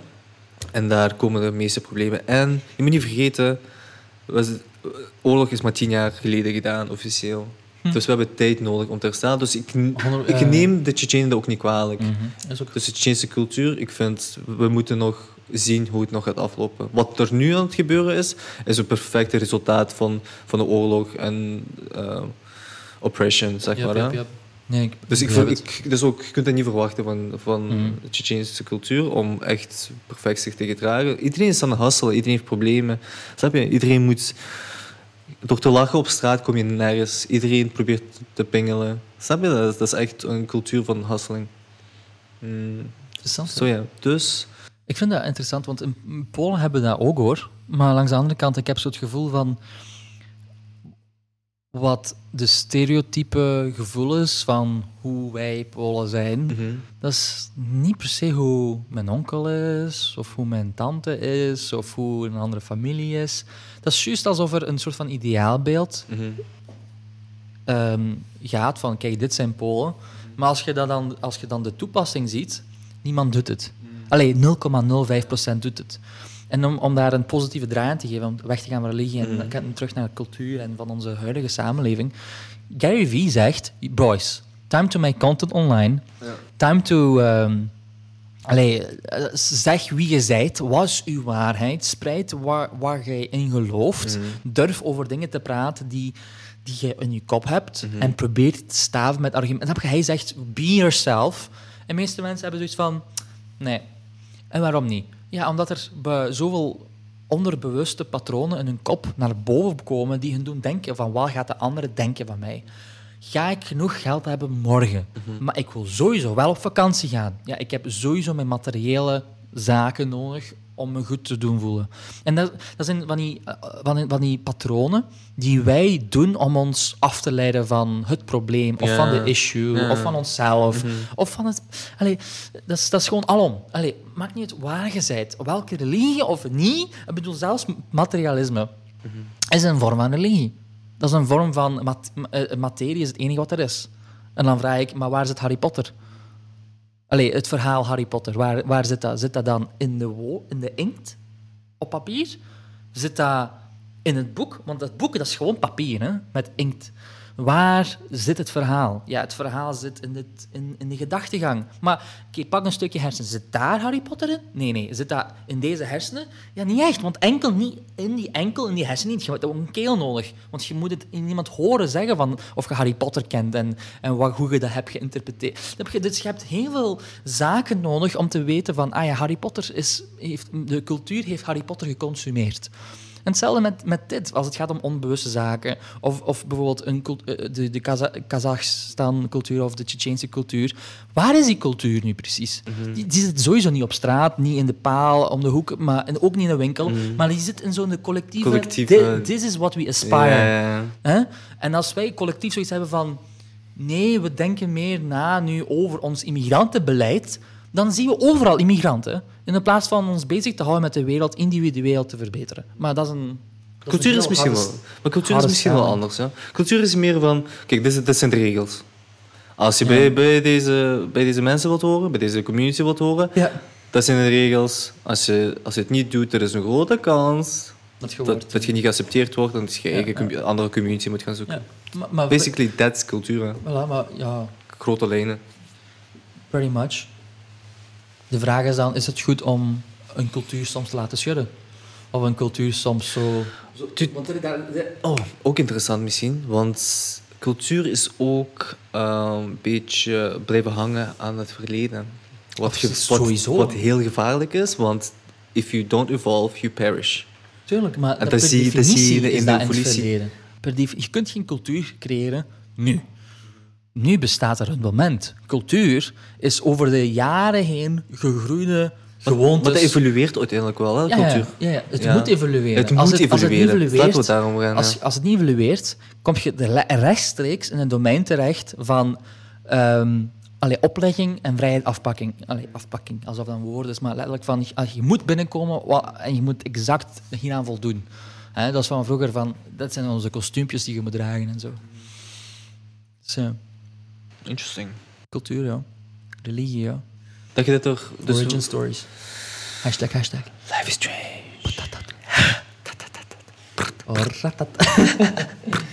um, dus, obviously, religie heeft een immens grote invloed op je leven gehad. Nog, nog, steeds. Zijn er andere dingen die je denkt dat misschien even grote factor was in het opvoedingsproces. Opvoedingsproces of mm. ja, in je nurture of in mm. je... Dus als je, ja, of het kan zijn dat het dat is, ja. Misschien was dat de grootste factor? Ik denk het wel. Uh, want ik, uh, er is sowieso, er zijn mensen en zo rond me heen geweest, zoals mijn opa, mijn oma, mijn mama, mm papa. Zij gaven me altijd een, een voorbeeld van hoe je moet zijn in de wereld. En dat is mhm. gewoon per definitie waar. Het is net zoals uh, jij kunt herinneren hoe het was van allee, de oorlog, bomen vallen en zo moet je je gedragen in een stressvolle situatie in een kelder. Zo heb ik dan andere voorbeelden gekregen van hoe je moet gedragen. Maar telkens als ik mijn ouders daarover aansprak, kwamen ze terug met religieuze teksten. En Jezus doet dat zo. Je moet hanteren volgens de Jezus-methode. Dus ik heb altijd al een, een collectief antwoord gekregen op individuele vragen. Mm. Hè, van, ik moet, hoe moet ik doen? Hoe moet ik dit doen? Collectief. Ja. Je moet collectief doen, bro. Je? Eh, je moet collectief nadenken. Eh, je- wa- What would Jesus do? En, en, en? Dus dat was altijd zo een courante antwoord. Maakt niet uit door wie in mijn familie. Dat was echt al Jezus, Jezus, Jezus, Jezus. En dan had ik zo af en toe een vriend die zegt zo... Maar doet, niemand ziet dat. Of ja, op school is mama er niet. Waarom doet je dan toch niet je snoep gezeten of zo tijdens de middag? En ik zo, bah, omdat dat niet mag of zo. Hè? Dus ik denk dat religie echt de nummer één impact was van alles. En al de rest is bijzaak. Verklaart de- deze podcast, dat verklaart het wel. Ehm, maar laten we dan eens hebben over uw interesses. Ja. Ehm, Religie. Please, no! Wat heb je eigenlijk in het middelbaar gestudeerd? Eh, in het middelbaar heb ik moderne wetenschappen gestudeerd. Dat was zo altijd de richting van... Zes jaar lang. Wel, het was altijd in de richting van... Maar in het eerste was het gewoon ASO, Ah, Latijn. mhm. Ik vond Latijn niet fijn, dus in het tweede jaar was dat moderne wetenschappen. Zo noemde dat. Ja. In het derde had je dan plotseling een keuze, maar dat was nog altijd moderne wetenschappen. En ik nam altijd de wiskunde component. Mhm. Dus ik, kan me niet fantastisch goed herinneren Mhm. hoe het was in het derde en vierde. Dat was altijd was kinda vaag. Mhm. Dat was sowieso moderne wetenschappen. Niet talen, niet Latijn, Niet niet maar was Altijd wetenschappen en wiskunde. wiskunde, moderne talen. En dan in, Mhm. in vijfde en zesde Mhm. had je dan wel een keuzevak. Voor, oké, hier heb je twee uur. Specialisatie kies- achter. kies. En ik zo, wiskunde. En de reden was, ik wou geen Duits. Daar heb ik ook problemen mee gehad. Is niet, ik had altijd vies goede punten in Duits. Mhm. en, maar Maar liever niet. Ik, ik, ik, om een reden, ik heb zo een heel rare gevoel bij Duitsland. Ik, Mhm. heb, ik, ben, ik heb zoiets van, jij Duitsland, en tegelijkertijd zoiets van, fuck Duitsland. Mhm. Beide gevoelen tegelijk. En ik weet niet hoe dat komt. En ik, tegelijk weet ik wel hoe dat komt. Mijn vader is altijd fan geweest van Duitsland. Die kan altijd, kon altijd perfect Duitsland. Mhm. We gingen altijd naar Duitsland op vakantie of winkelen. Eh, Maar als het neerkwam, neerkwam op morele waardes, Mhm. dat was zo... Ja, Duitsland als het slechtste voorbeeld van wat je kunt doen, van hanteren. Mhm. En, en andere mensen hun... eh, eh, allee, Ja. Zijn ten opzichte van de mensen. Mhm. Dus ja, dat was altijd al wetenschapper. En door, denken. ik denk ook door uw interesse in wiskunde, zo ben je ook in pro- programmeren geraakt? In, Nee, eh, dat was mijn papa eigenlijk. Eh, Ah, ja. Mijn papa heeft mij... eh, dus we gingen, toen mijn mama... ehm, mijn, dus mijn mama eh, was een immigrant. Ze, ze kwam in België toen ze ongeveer 20 was. Ik Mhm. was toen geboren. Bij gevolg moest zij Nederlandse les volgen om de taal te kunnen. Mhm. Dus zij ging altijd in de Peekzaal, the way, want die gebouwen Ah, daar, mhm. eh, Nederlandse les volgen. Moderne talen. Ja, ja, ja. Zoiets was het. hè. Alleen mijn ouders hebben het ook gedaan. Ja, wel, dus eerst Nederlands, dat was Ja. zes jaar of zeven jaar. En daarna volgde ze Engels. Eh, en toen zij les ging hebben s'avonds, gingen ik en papa altijd naar de bibliotheek. En mijn papa was natuurlijk bezig met programmeren, dus hij stond vaak aan de programmeersectie. Mhm. Bij gevolg was van, waar zijn die boeken? Ik die gewoon die boeken waarom pakken. was hij aan het programmeren? Hoe oud? Waarom? Ah, omdat dat zijn beroep was. Ehm, Was dat zijn beroep? Wat, doet hij? Wat deed hij? Wel, hij, toen hij nog zo jong was, Ja. studeerde hij elektromechanica. Maar toen was de cutting edge van technologie om de koppeling te maken tussen uw elektronica Eh, en een microprocessor. Ja, En dat is programmeren. Ja, dus. en, en nu noemt dat een eh, CPU. Ja. Maar toen was dat een microprocessor. Dat was een kleine chip die ehm, 32 kilobyte aan instructies kon bevatten. Ja. Om bijvoorbeeld, eh, als die pin aanstaat en die pin aanstaat, dan moet je Mhm. dat doen. Dan moet je dat- die waarde opslaan. En zo kon je echt zo'n chip programmeren. En dat was zo aan de cutting edge van toen. Hè? Want daarvoor had je enkel schakelingen. Lampjes die bewegen, een endpoort. Maar het is pas van, hoe gaat je dat nu doen? Hoe, hoe, je, hoe oh, je kunt dat programmeren. Wat zeggen dat je één circuit maakt en je kunt daar iets op zetten dat dat doet nadenken. Dat was zo innovatief. Dus mijn papa wou in die richting gaan. Bij gevolg geleerde Java bij, C, C++. En die boeken lagen thuis, maar die waren altijd veel te complex. Dus ik ging altijd naar de dierenafdeling. Dieren? Winkel, eh, de, de kinderenafdeling. Shit. dat was echt... Dierenafdeling. Dieren. De- de- Dieren en kinderen. Shit, ja. Dat is on, onbewuste Ja, ja, ja. flirt eh, die naar boven spatten. Maar, Funny. ehm, En daar ging ik naar de programmeersectie. Dat is gewoon een programmeren voor kinderen. Dus ik leerde wat instructies zijn, variabele functies. Mhm. En uiteindelijk ehm, ben ik naar de Big Boys language gesprongen rechtstreeks. En begon ik eh, de Game Boy Advance te programmeren toen ik ongeveer 13 jaar oud was. Ah ja, kon je erop programmeren? Ja, allee, ik wel. Oh, deze guy. Nee, dus de- je, je koopt zo'n cartridge De meeste mensen gebruiken dat om, om games te piraten. Ik gebruik dat om, om te programmeren. Want daarvoor moet je, je moet denken, Maar hoe kon je dat programmeren? Wel, dus je hebt een scherm Ja, op een Game Boy ja, en je hebt knopjes op een Game. Boy. Bij gevolg, ja. eh, wat je doet is, jij, eh, jij laat iets zien op het scherm en je laat dat interageren met de knopjes. Oké. Dus, dus wat is een spel? Een spel is een programma die zegt, oké, draw een auto. If, En beweeg- if push A, Ja, ja, en then... Het zou je verbazen. Onze, de eerste reisgames, die waren niet van een auto en die beweegt over een level. Dat was zo, hier is een auto en beweeg de level als je naar links en rechts beweegt. Ah, dus de ja. level bewoog. Ja. Of Dat is voor memory, want Ja. die auto was een veel gedetailleerder ding Ja. dan, een, dan, een, dan, een, dan een level. Ehm, dus dat was kind of hoe ik ook programmeerde. Dus ik maakte een, een, een, een, grafische calculator die zo de goniometrische Ah, cirkel laat zien. Die kon nog functies ingeven en dat tekende de functie uit. Mhm. En dat was vrij moeilijk, want de resolutie van een Game Boy Advance scherm is 320 pixels maal, maal 180 pixels. Dus je moest een conversie maken van een, een- van een functie op pixels. En, dat- en Ah, ja. moest getekend worden. En die Anders ging dit tekstjes- daar buiten, bedoel je? Ja, anders, kun- anders weet je niet waar je Waar? Want misschien Ah, is- ja. zou dat dan twee pixels zijn. Dus je moet dat, je moest dat schalen hè, naar de ruimte van Naar de pixels. ja, ja. Want in je computerprogramma zeg je van, oké, teken alles wit. Oké, nu gaat je naar die pixel, zwart. Maar je zet dat in een forlus.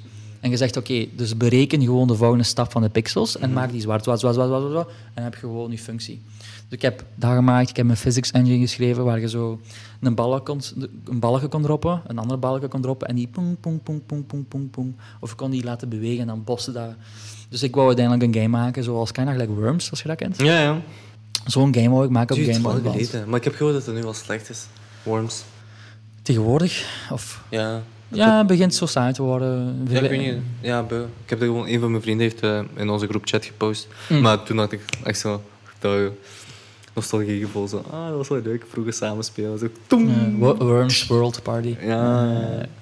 Eh, dus ik heb ook... Allee, dus va- van een Game Boy Advance ben ik dan uiteindelijk geswitcht naar de Nintendo DS. Is dat omdat... Had je toen geen computer? Ja, ik programmeer op mijn computer. Ah, je programmeerde op computer Ja, ja, ja. en zo... En, En dan laadde je dat. dat, Dus je dat- kom- je komt- Oké, dat, dat was mijn vraag. Ah, Ik dacht zo, wa- was je met die knopjes aan het programmeren? nee, dat gaat nee, niet? nee, nee. Dus, Dus je dus- programmeert op computer, je maakt een programma en je laat die installeren en je installeert die eh, op je op je Game Boy of op de cartridge. op de cartridge, ja. En dan vind je die, de, de, makes more- executable. Makes more sense. Daarna ben ik geswitcht naar een Nintendo DS toen ik zo 15, 16 jaar oud was. En daar deed ik veel complexere zaken op. Om- Ik heb meer memory, Ja. meer resolutie, dat was veel bomber en zo. Hm. Ehm, dus dat was kinda mijn grootste programmeer. Ik wist toen ik, toen ik 12 was of 13 dat ik sowieso wou programmeren. Mhm. Oké. Omdat gewoon mijn vader, mijn, dus dat was misschien het tweede grootste ding Oké. die mee Maar het is, wel- leuk. eh, ah, het is ook interessant, want ik heb zo controversiële, niet controversieel, hoe zeg je dat, relatie met je pa, dus positieve en negatieve. Ja. Ehm, en Sowieso het is discussie vatbaar. Nee, nee, nee, wacht. Maar ik Wat wil, controversieel nee, ik wil het gewoon zijn. iets zeggen. Het is niet dat je er zo een verhaal, een super lang verhaal aan moet linken. Maar gewoon, dat is, dat is heel bekend. Dat is heel. Allee, dat, het wordt gezegd dat eh, de zoon altijd wel eh de so- het sociale gedrag van zijn vader altijd overneemt. Of hij dat Mm. wil of niet, onbewust. Ah ja, waarschijnlijk. En eh, allee, iedereen heeft niet, al, niet altijd een positieve, niet alleen een positieve relatie met Mm. zijn ouders of met zijn vader. En ik heb dat ook heel erg gemerkt bij mij, hoe erg ik op mijn vader leek nu. En Ja, vroeger ook zo. En Hm. dat is wel interessant dat je, dat je toch eh, op je vader, allee, iets van je vader hebt meegenomen. En, eh, Je hoe- kunt hoe- niet- je hoe- kon daar niet Hoewel dat misschien niet het voorbeeldfiguur is, allee, of die je wou zijn, of ehm, de leiderfiguur, of iemand die je wou zijn, bewust, maar toch onderbewust, Hm. eh, heb je daar wel voor gekozen, snap je? Ja, ik Program, probeer- allee, ook pro- pro- programmeren dan. Hè. Wel, ik kan u nu wel zeggen dat ik op dit moment minder en minder programmeer en meer gewoon toegepast problemen oplos. Mm. En dat is het grote verschil geweest. Allee, dat is het grote verschil hoe ik mij nu differentieer ten opzichte van mijn vader. Mijn vader, in plaats van problemen op te lossen, Mhm. ging werk zoeken. En, en als je werk zoekt, dan zoek je meestal een werk die je graag doet. Maar wat houdt werken in? Ja, problemen oplossen. Bij wijze van spreken, je werkt in McDonald's. Het probleem dat je oplost is broodjes klaarmaken. op tijd, snel. Dat is, dat is het probleem dat je Mhm. oplost. Mhm. En mijn vader ga- gaf mij niet probleemoplossend denken, Denken. maar die gaf mee van, kijk, dit is hoe je kunt cateren aan society. Dus daar, daarom dat ik geprogrammeerd... Ik programmeerde ook om goed te staan in mijn vader zijn ogen. Is van, oh, mijn zoon programmeerde ook. Zo, dat is bijna daar waar... Snap je, mijn vader eh, eh, is, vindt dat interessant en dan ga ik daar heel slim in worden. Dan gaat hij me cool vinden. Dat is ook de reden waarom ik begon met programmeren. Gewoon trots maken of zo. Ah, goed doen voelen. Goed gevoel, ik snap het. ja. Ik heb dat nog steeds. Ik heb nog steeds het gevoel dat ik mijn ouders trots wil maken. Ja, ja maar dat, ik denk dat dat heel nobel is. Ik denk dat het ook bij meesten is, misschien. Ik denk dat dat nobel en heel ingebouwd ook is. Hè. Mm. Je wilt bijna... Allee, zo, je primary caregivers ja. wilt je sowieso belonen voor hun werk. En, ik denk dat dat heel Ja. diep ligt. Ik heb de laatste vraag voor jou. Super. Of ja, niet super. Wat is, wat is jouw einddoel? Wat, waar dagdroom je over? Wat, wat wil je... Snap je wat ik bedoel? Mm. Wat is het zo? Wat je, aan, als- als- je zit op de fitness. Je zit aan het lopen. Je zit aan het Ja, lopen. ja. En je zit, met het, je zit aan het dagdromen. Ja, je zit muziek, de beste muziek aan het luisteren. Je favoriete, favoriete track. Waar dagdroom je over? Mm. Er zullen verschillende dingen zijn, maar wat, wat- wat is het voornaamst? Je moet dromen, hè. Dat mag je Ja, ook. ik, doe, ik droom heel hard. Ik droom zo hard dat ik gewoon nu drie uur lang zou kunnen dromen, bij wijze van spreken. just a dreamer. I dream life En ik denk, ik, ik vraag me af, waar hangt dat af? Hangt mijn... Want ik, ik, ga, ik ga een antwoord geven daarop. En dat is gewoon omdat ik daar... Ik probeer daar wat consistentie in te vinden. Maar als je me vandaag zou vragen wat het is, en, me- en morgen, dat gaat anders zijn. Het is pas, Toch? Echt? het is pas echt... Het gaat anders zijn. Echt waar. Ik ga dat anders aan, aankaarten. Ik kan dat anders zeggen, uitleggen.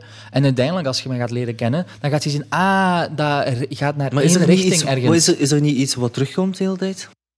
Dat, dat, er, is, er, er is een rode lijn in. Je praat toch over Gary Vee heel veel? Ja. Wil je niet Gary Vee zijn? Nee. Nee. Ik wil niet Gary Vee zijn. Ik vind, ik, Gary Vee, wa- wat hij doet is cool. Mhm. Ja. Maar dat is, dat is gewoon een handeling. Dat is, k- Socrates deed aan public speaking. En waarom? Omdat dat de neem methode dat was. probleem niet zo... Allee, neem mijn vraag niet zo filosofisch of breed. Dat is gewoon heel direct. Wat ik wil doen. Ah, wel, wat ik graag wil doen in het leven is in principe een eigen bedrijf opstarten die ehm, producten maakt.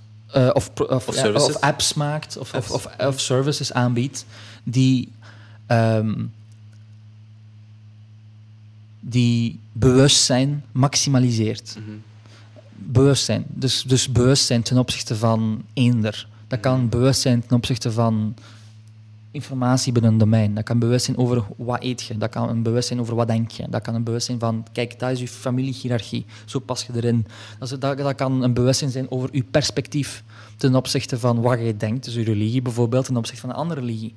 Dus ik zie, als ik, over, als ik echt zou dromen, om deze droom nog wat breder te trekken, het zou fantastisch zijn om uiteindelijk een soort van Wikipedia te maken die 100% visueel is. Je zet een VR-bril op, of iets meer, een pilletje of zo, aan, je, aan de zijkant van je ogen.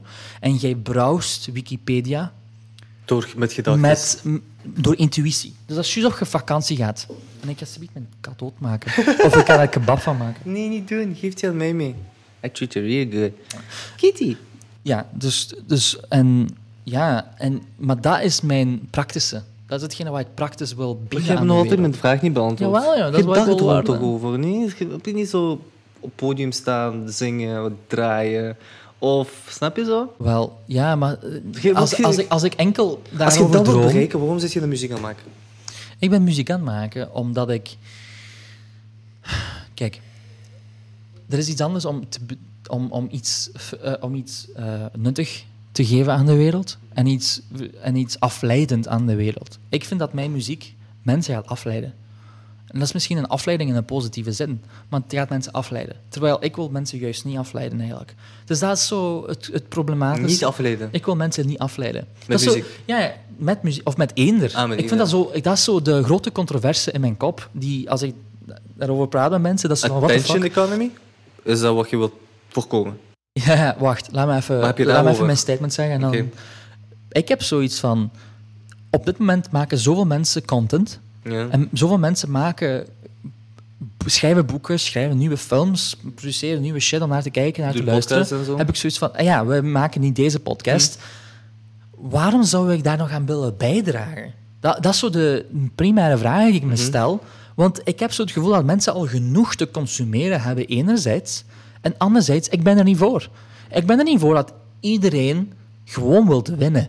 Winnen, winnen, winnen, winnen. Alsof het gaat om zoveel geld te verdienen. Alsof het daarom gaat in het leven. Ik, het gaat niet om de podcast. Hè? Het gaat er niet om. Het gaat om die Proces. biologische communicatie Ja, en dit op te slaan. Dat mijn, ooit misschien iemand dit ze gaat kijken en zoiets heeft van... Ah, interessant. Mhm. En dan mis, hopelijk verandert iets positiefs in zijn leven. Dat is de, dus als jij me vraagt, wat is je purpose? Dan is het dat. Maar ik wil niet bekend zijn. Ik wil super bekend zijn, maar ik wil niet bekend zijn. Dat is, zo, Mhm. dat is, dat is een rare controverse in mijn kop. Ik wil niet dat ik bekend ben om gewoon bekend te zijn. Ik wil bekend zijn, eventueel, Mhm. om zoveel mogelijk mensen te kunnen, positief te kunnen impacteren. Maar ik weet niet eens of ik die kwaliteit heb. Ik weet niet of ik de kwaliteit heb om mensen hun gedachten te veranderen Mhm. in een positieve zin. Misschien fuck ik mensen gewoon helemaal op. Misschien trigger ik ze tot een oneindige depressie en moeten ze professioneel hulp gaan krijgen daarna. Ik weet het niet. Ik weet niet waar dit naartoe gaat. Maar als het gaat om muziek, waarom maak ik muziek? Dat is een heel goede vraag. Ik denk dat ik muziek vooral maak om, om iets cools te maken. Dus ik, als ik tegenwoordig naar muziek luister, dan voel ik mij een beetje alleen. In de zin van, dit is juist niet wat, hetgene wat het zou moeten zijn. Dat gevoel heb ik heel fel als ik naar muziek luister. En zeker als het gaat om elektronische dansmuziek, of een genre. Ja. Als je naar een genre eh, begint te luisteren, is van, waarom is elke liedje hetzelfde? Waarom luister ik eigenlijk niet naar een artiest? Van letterlijk een flavorable, diepe persoon die elke week iemand anders is en die is constant de grenzen van de menselijke bewustzijn aan aftasten. Dat is waar ik naar wil luisteren. Ik wil niet dat ik muziek moet maken. Dat is future. Dat is, dat is toekomstmuziek. In de toekomst gaat dat misschien geapprecieerd worden. Maar ik wil aan de edge van de huidige problemen. En heel veel mensen zijn aan het kijteren. Heel veel mensen zijn aan het kijteren naar de publieke mening. Je moet gender fucking... Je moet kijteren aan gender. Je moet... eh, Snap je dat er geen, niet zoiets als, als twee genders, maar dat, dat er honderden genders zijn. Maar wel, ik wil dat graag gewoon challengen. En, niet, en, meeste mensen hebben zoiets van, nee, beter niet te challengen, want dat is zo'n moeilijk onderwerp. En dat is een minority, dus je hebt een probleem met een racistisch te worden, eh, racistisch uitgescheld te worden. Politiek correct zijn ook heel Ja, belangrijk. en het is niet dat ik... ja, is het juist. Het is niet dat ik er tegen ben, maar er is duidelijk een discussie om aan te gaan. En heel veel mensen hebben die discussie niet. En ik denk dat het vooral ligt omdat mensen het perspectief niet hebben. Omdat ze in een bubbel zitten. In een AI-bubbel. Ze zitten constant op YouTube, ze kijken constant dezelfde filmpjes. Met andere woorden, ze zitten constant dezelfde manier van denken. Op Facebook kan hetzelfde. Op Twitter heb je al een variatie, want dan heb je geen echte AI. Die zegt van, ah, dat kun je best wel zien. Dat is wel cool voor u. Gaat je langer op ons platform zitten. En als je langer op ons platform zit, wil zeggen dat wij meer ad revenue kunnen genereren. Dat is, dat is een AI die mensen uitbuit voor attention economy. En ik ben daar zo hard tegen dat ik zelf niet begrijp waar ik mijn content maak. Maar ik maak, ik maak content om juist mensen zoiets te hebben van... Ga weg van deze platform en kom terug misschien met een betere boodschap. Of gebruik het platform om iets te zeggen wat jij bent. En niet wat je denkt dat cool is of ooit heeft gewerkt. Of, ik weet niet, ik heb er zelf moeite mee om content te maken, gewoon omdat ik zelf zo weinig van mezelf ken. Maar wat ik ken, probeer ik toch wel te delen wat ik van mezelf weet, probeer ik zeker te delen. En als het dan neerkomt op mijn muziek, wat ik heb ontdekt is dat heel veel mensen gewoon een verkeerde programma hebben geïnstalleerd in hun kop. Een verkeerd programma geïnstalleerd. Echt, dat kan zijn door opvoeding, dat kan zijn door een slecht voorbeeld, dat kan zijn door eender wat. Dat kan zijn door eender wat. De, de- de reden waarom mensen niet 100% volle bak hun potentieel uitvoeren, is omdat ze remmen hebben aanstaan. En dat zijn dan, wat ik vorige Nee. pot hebben uitgelegd met die remmen in het verleden of zo, of van die ba- baggage en zo. Dus als het gaat om mijn laatste album, is het puur van hoe ben ik uit, hoe heb ik me afgesneden van die bagage. En dan, als je dan naar de artwork kijkt van mijn album, dan is dat eigenlijk een visuele representatie van wij die eigenlijk een biologische klomp cellen zijn op een aarde rond een grote zon of een, of een ster. En wij zijn dan hier aan het leven op aarde, maar wij hanteren niet volgens dat principe, we hanteren volgens de onderbewuste principes die die in het collectieve zitten. hè. Dus dat kan zijn een culturele stere- negatieve stereotype. En- Of een culturele manier, negatieve manier om te kijken naar iets. Of om of jezelf af te stoten van een ander. En zo verder. Dus daar gaat het album eigenlijk over. En dat is waarom ik nu op dit moment muziek maak. Ik ben nu al een tweede album aan het kijken, want ik heb een paar liedjes klaarstaan. En die gaan over iets totaal anders. Ik vind het ook interessant, want Ja. jij hecht zoveel gevoel ehm, en zoveel moeite in je muziek. Dus jij hecht bijvoorbeeld... Elke track wat je hebt, gaat over iets. Dat zeg je, Ja, dat ja. zei je. En ik, ook. maar nooit heb ik naar een artiest geluisterd en nagedacht waarom hij, met welk gevoel heeft hij gemaakt. Ja. Want ik, want ik Mm. ben dat aan mijn eigen gevoel. Juist. Dus ik zet mij, snap je zo? Dus als, als ik gangster rap aan het luisteren is, ik ben de gangster, hij is niet de gangster. Dus I don't care, snap je wat ik bedoel? Mhm. I don't care what, he's, wat zijn intentions are achter de muziek wat hij maakt. Klinkt gewoon leuk en ik interpreteer dat Ja. gewoon op mijn manier en ik zet me. En die, dus ik vind je niet Hmm. dat mensen u heel het verhaal gaan missen? Of maakt het voor u niet uit? Ehm, kijk, dus... Eigenlijk maakt dat mij niet uit. Dat is, dat, is, dat is het antwoord. Maar langs de andere kant, ik denk niet dat zij mijn verhaal gaan missen als ze mij gewoon gaan volgen op sociale media. Want op sociale media ga ik content maken die ik ga uitleggen wat ik bedoel met Ja. mijn track. En als je naar mijn tracks luistert, dat zijn vrij moeilijk te consumeren. Dat is vrij moeilijk te consumeren muziek. Je luistert ernaar, dat is misschien half catchy. En de helft is zo van, dat is questionably moeilijk om naar te luisteren. En niet omdat, dat, omdat de geluiden niet fijn zijn om naar te luisteren, maar gewoon omdat dat iets opwekt. Een, een emotie die je waarschijnlijk nog nooit eerder hebt gevoeld. Maar je hebt Zoiets. ook, uw muziek is ook zonder vocals, tot nu toe. Hè? Er zijn Allee, drie voorlopig, tracks van ja. album album die een vocal hebben. Maar, want vocals geven... Een, allee, Context. Context, inderdaad. Ja. Kunt je verhaal, allee, je verhaal meer, beter vertellen. Ehm, Een van mijn liedjes ehm, begint met een vocal. Dat is, dat is het tweede liedje trouwens. En, en, en dat begint met Will the Circle be unbroken? By and by, by and by. en, en, en, en dan herhaalt dat zich. en, t- en dan vervormt dat naar een soort van heel duistere track. En het begint heel engelachtig, mooi, supermooi. En dan gaat eigenlijk exact in, in die lyric. Mhm, Hè, will the circle be unbroken? mhm. Dus het gaat erom dat wij altijd samen blijven. En dat is super mooi, want we gaan altijd samen blijven. Maar religie is een ondersteunende systeem. Yeah, we're back in the goddamn ja, religion. ja. Of, maar niet enkel religie, maar gewoon een, een, een, een, een, een, een, een, een- allee, oh, ik weet niet hoe ik dat moet be- benoemen, maar zet alles waar je in gelooft. Of als je iets gaat doen, zet op papier waarom je dat doet. En uiteindelijk, op al die waaroms, waarom je iets doet, gaat je uiteindelijk op een blad papier zinnen hebben. En die vertegenwoordigen waarom je al die dingen die je die dag hebt gedaan, hebt gedaan. En en als je dat gaat bekijken, gaat je ten eerste zien, er komt heel veel overlappingen door.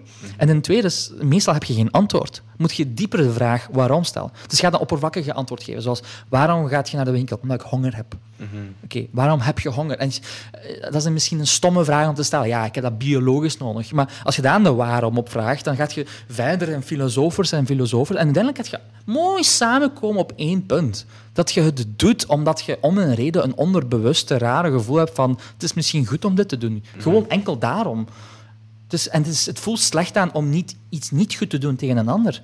Maar dit zijnde wat het is, wil niet zeggen dat we niet constant worden beïnvloed door zendmasten. Hè, dus een kerk, ik zie als ik naar een kerk kijk, dat is gelijk een zendmast. En mensen gaan elke week naar die zendmast en die worden woe, woe, woe, woe. Ik geloof in de Heilige Geest, geest zeggen, maar... Snap je dat er ook een beetje verplicht wordt om dat elke week te doen? Dat is echt zo blijven herhalen, blijven herhalen. Ja, ja dat zijn zijn- zendmasten. dat zijn- En, en, wa- en waarom zijn dat de hoogste gebouwen van een stad meestal? Ja, dat je die overal in de stad kunt zien. En elke week, waar ga je naartoe? Ja, gewoon kijken waar je naartoe moet gaan. Oké, kom, we gaan samen groeperen. Luisteren, zitten, braaf zijn. Respect hebben voor het woord. Luisteren, luisteren, programmeren. programmeren. En gaat weg van de kerk met het woord in je kop. En zo elke week word je opnieuw geïntroduceerd.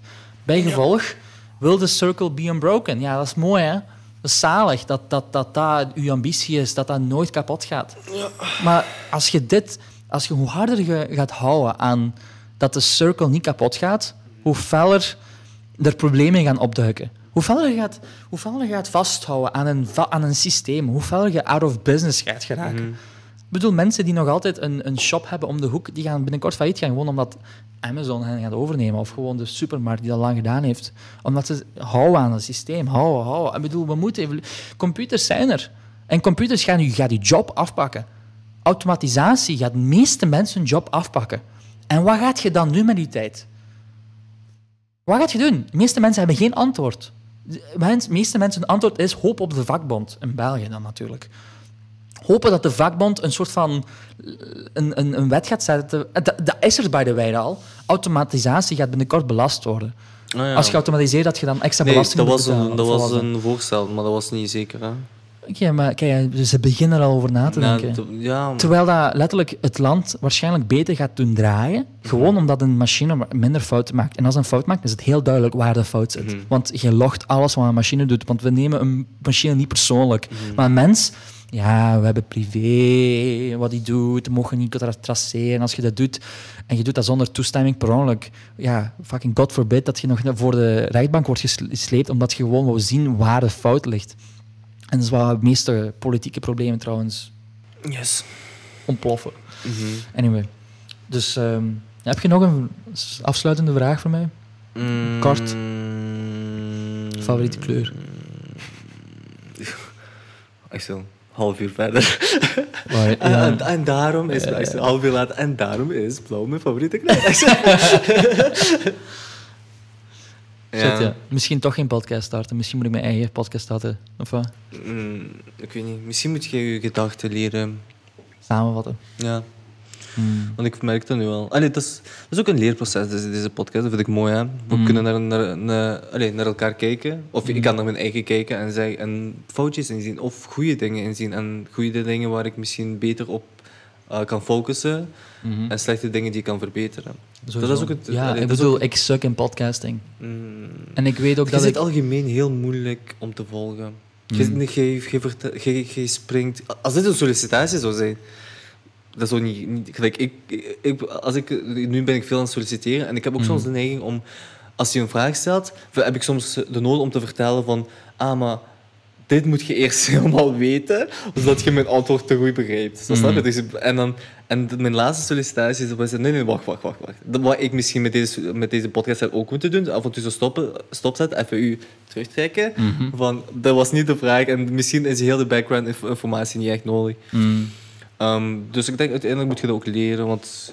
Allee, misschien ook niet. Je doet wat de fuck je wilt, maar ja, doe wat je wilt. Allee, ik weet niet. Ik, ik heb er het van. Ik, de reden dat ik gewoon vooral vandaag heel lang praat, is gewoon omdat ik Maar het gaat ook om u, hè, vandaag. Ja, ja, omdat het kinda om mij ging. Dus ik wou echt zo de origin story in perspectief met de origin story in perspectief met de origin story. Als ook, we kunnen heel veel dingetjes gewoon knippen. Ja. En gebruik dat als mini, mini, off content. Mini off content. Snap Ik, was, ik ben ook zo aan het denken. Kom gewoon kleine dingetjes en gewoon dan heb ik ook meer content wat we kunnen. Ja, maar... Dat bedoel je toch, hè? ja, ja, ja, ja. Dus bijvoorbeeld, dat moet niet in een volledige podcast, omdat dat te controversieel is. Maar het is wel blaze off in mini-content. Ja. Ik merk wel van mezelf, als ik bijvoorbeeld... Dus dat is trouwens mijn grootste probleem, als ik blog. Als ik een blog schrijf, of ik neem mezelf op en ik wil iets uitleggen... Ik heb zoiets van... Dude, ik ben zo diep gegaan op dat ene topic, dat het geen sens maakt om terug te gaan. Ja. En dan ook zo diep, Mhm. dat, is, van- dat, dat wringt een beetje. Je moet leren een beetje kort, allee, samenvattend antwoorden Ja. op de vraag die gesteld is. Ja. Op zich, er is niks slechts aan, hè? maar ik denk dat gewoon mensen algemeen makkelijker zouden hebben om u te volgen algemeen. Ik heb echt moeten leren om naar u te luisteren, want je gaat, ja, je gaat, je heel diep in, in de onderwerpen. Ja, ik, ik, ik zeg iets en dan zeg ik daar iets op. En ik ga Mhm, ervan uit dat je begrijpt, dan ga ik verder Wow, en verder zo, en verder. Dat ik heel de vertakking, hè? Want dat is, je zegt één zin. En dan is er één woord. Shink. En dat, dat gaat zo. Ik weet dat. Ik, weet dat. ik was ook Dus, vroeger super ik was daardoor gebuist op mijn... Op mijn ik was zo ooit eens gebuist op wiskunde. Ja. En dat is omdat ik zo mijn formule schreef. Ik zei, a plus b is gelijk aan zoveel, is, gelijk aan zoveel. En dat wil dat zeggen, is gelijk. En dus in één is gelijk aan, heb ik mijn bewijs geschreven. Ah, dus die leerkracht wist niet van, ah, hier zet je die stap. Want ik zet die stap Ja, ja. en die is gelijk aan. En dat maakte allemaal... En die zei van, ja, te snel. Dat is letterlijk juist als je dat van buiten hebt geleerd. Maar dat is gewoon hoe- de manier hoe ik denk. Maar dat is dus Mhm. ook ja, mijn leerproces. Om gewoon wat ik zeg, één stap naar achter. Ten eerste wat trager te praten. Ehm, ja, en, Maar op en zich- gewoon twee zinnen in plaats van Dat tien. is, Dat, ik denk dat dat heel veel kracht in zit, hoor. ja, ja, inderdaad. En Ik- zeker ik als- dat, ik, dat lijkt alsof je dat zo negatief bedoelt.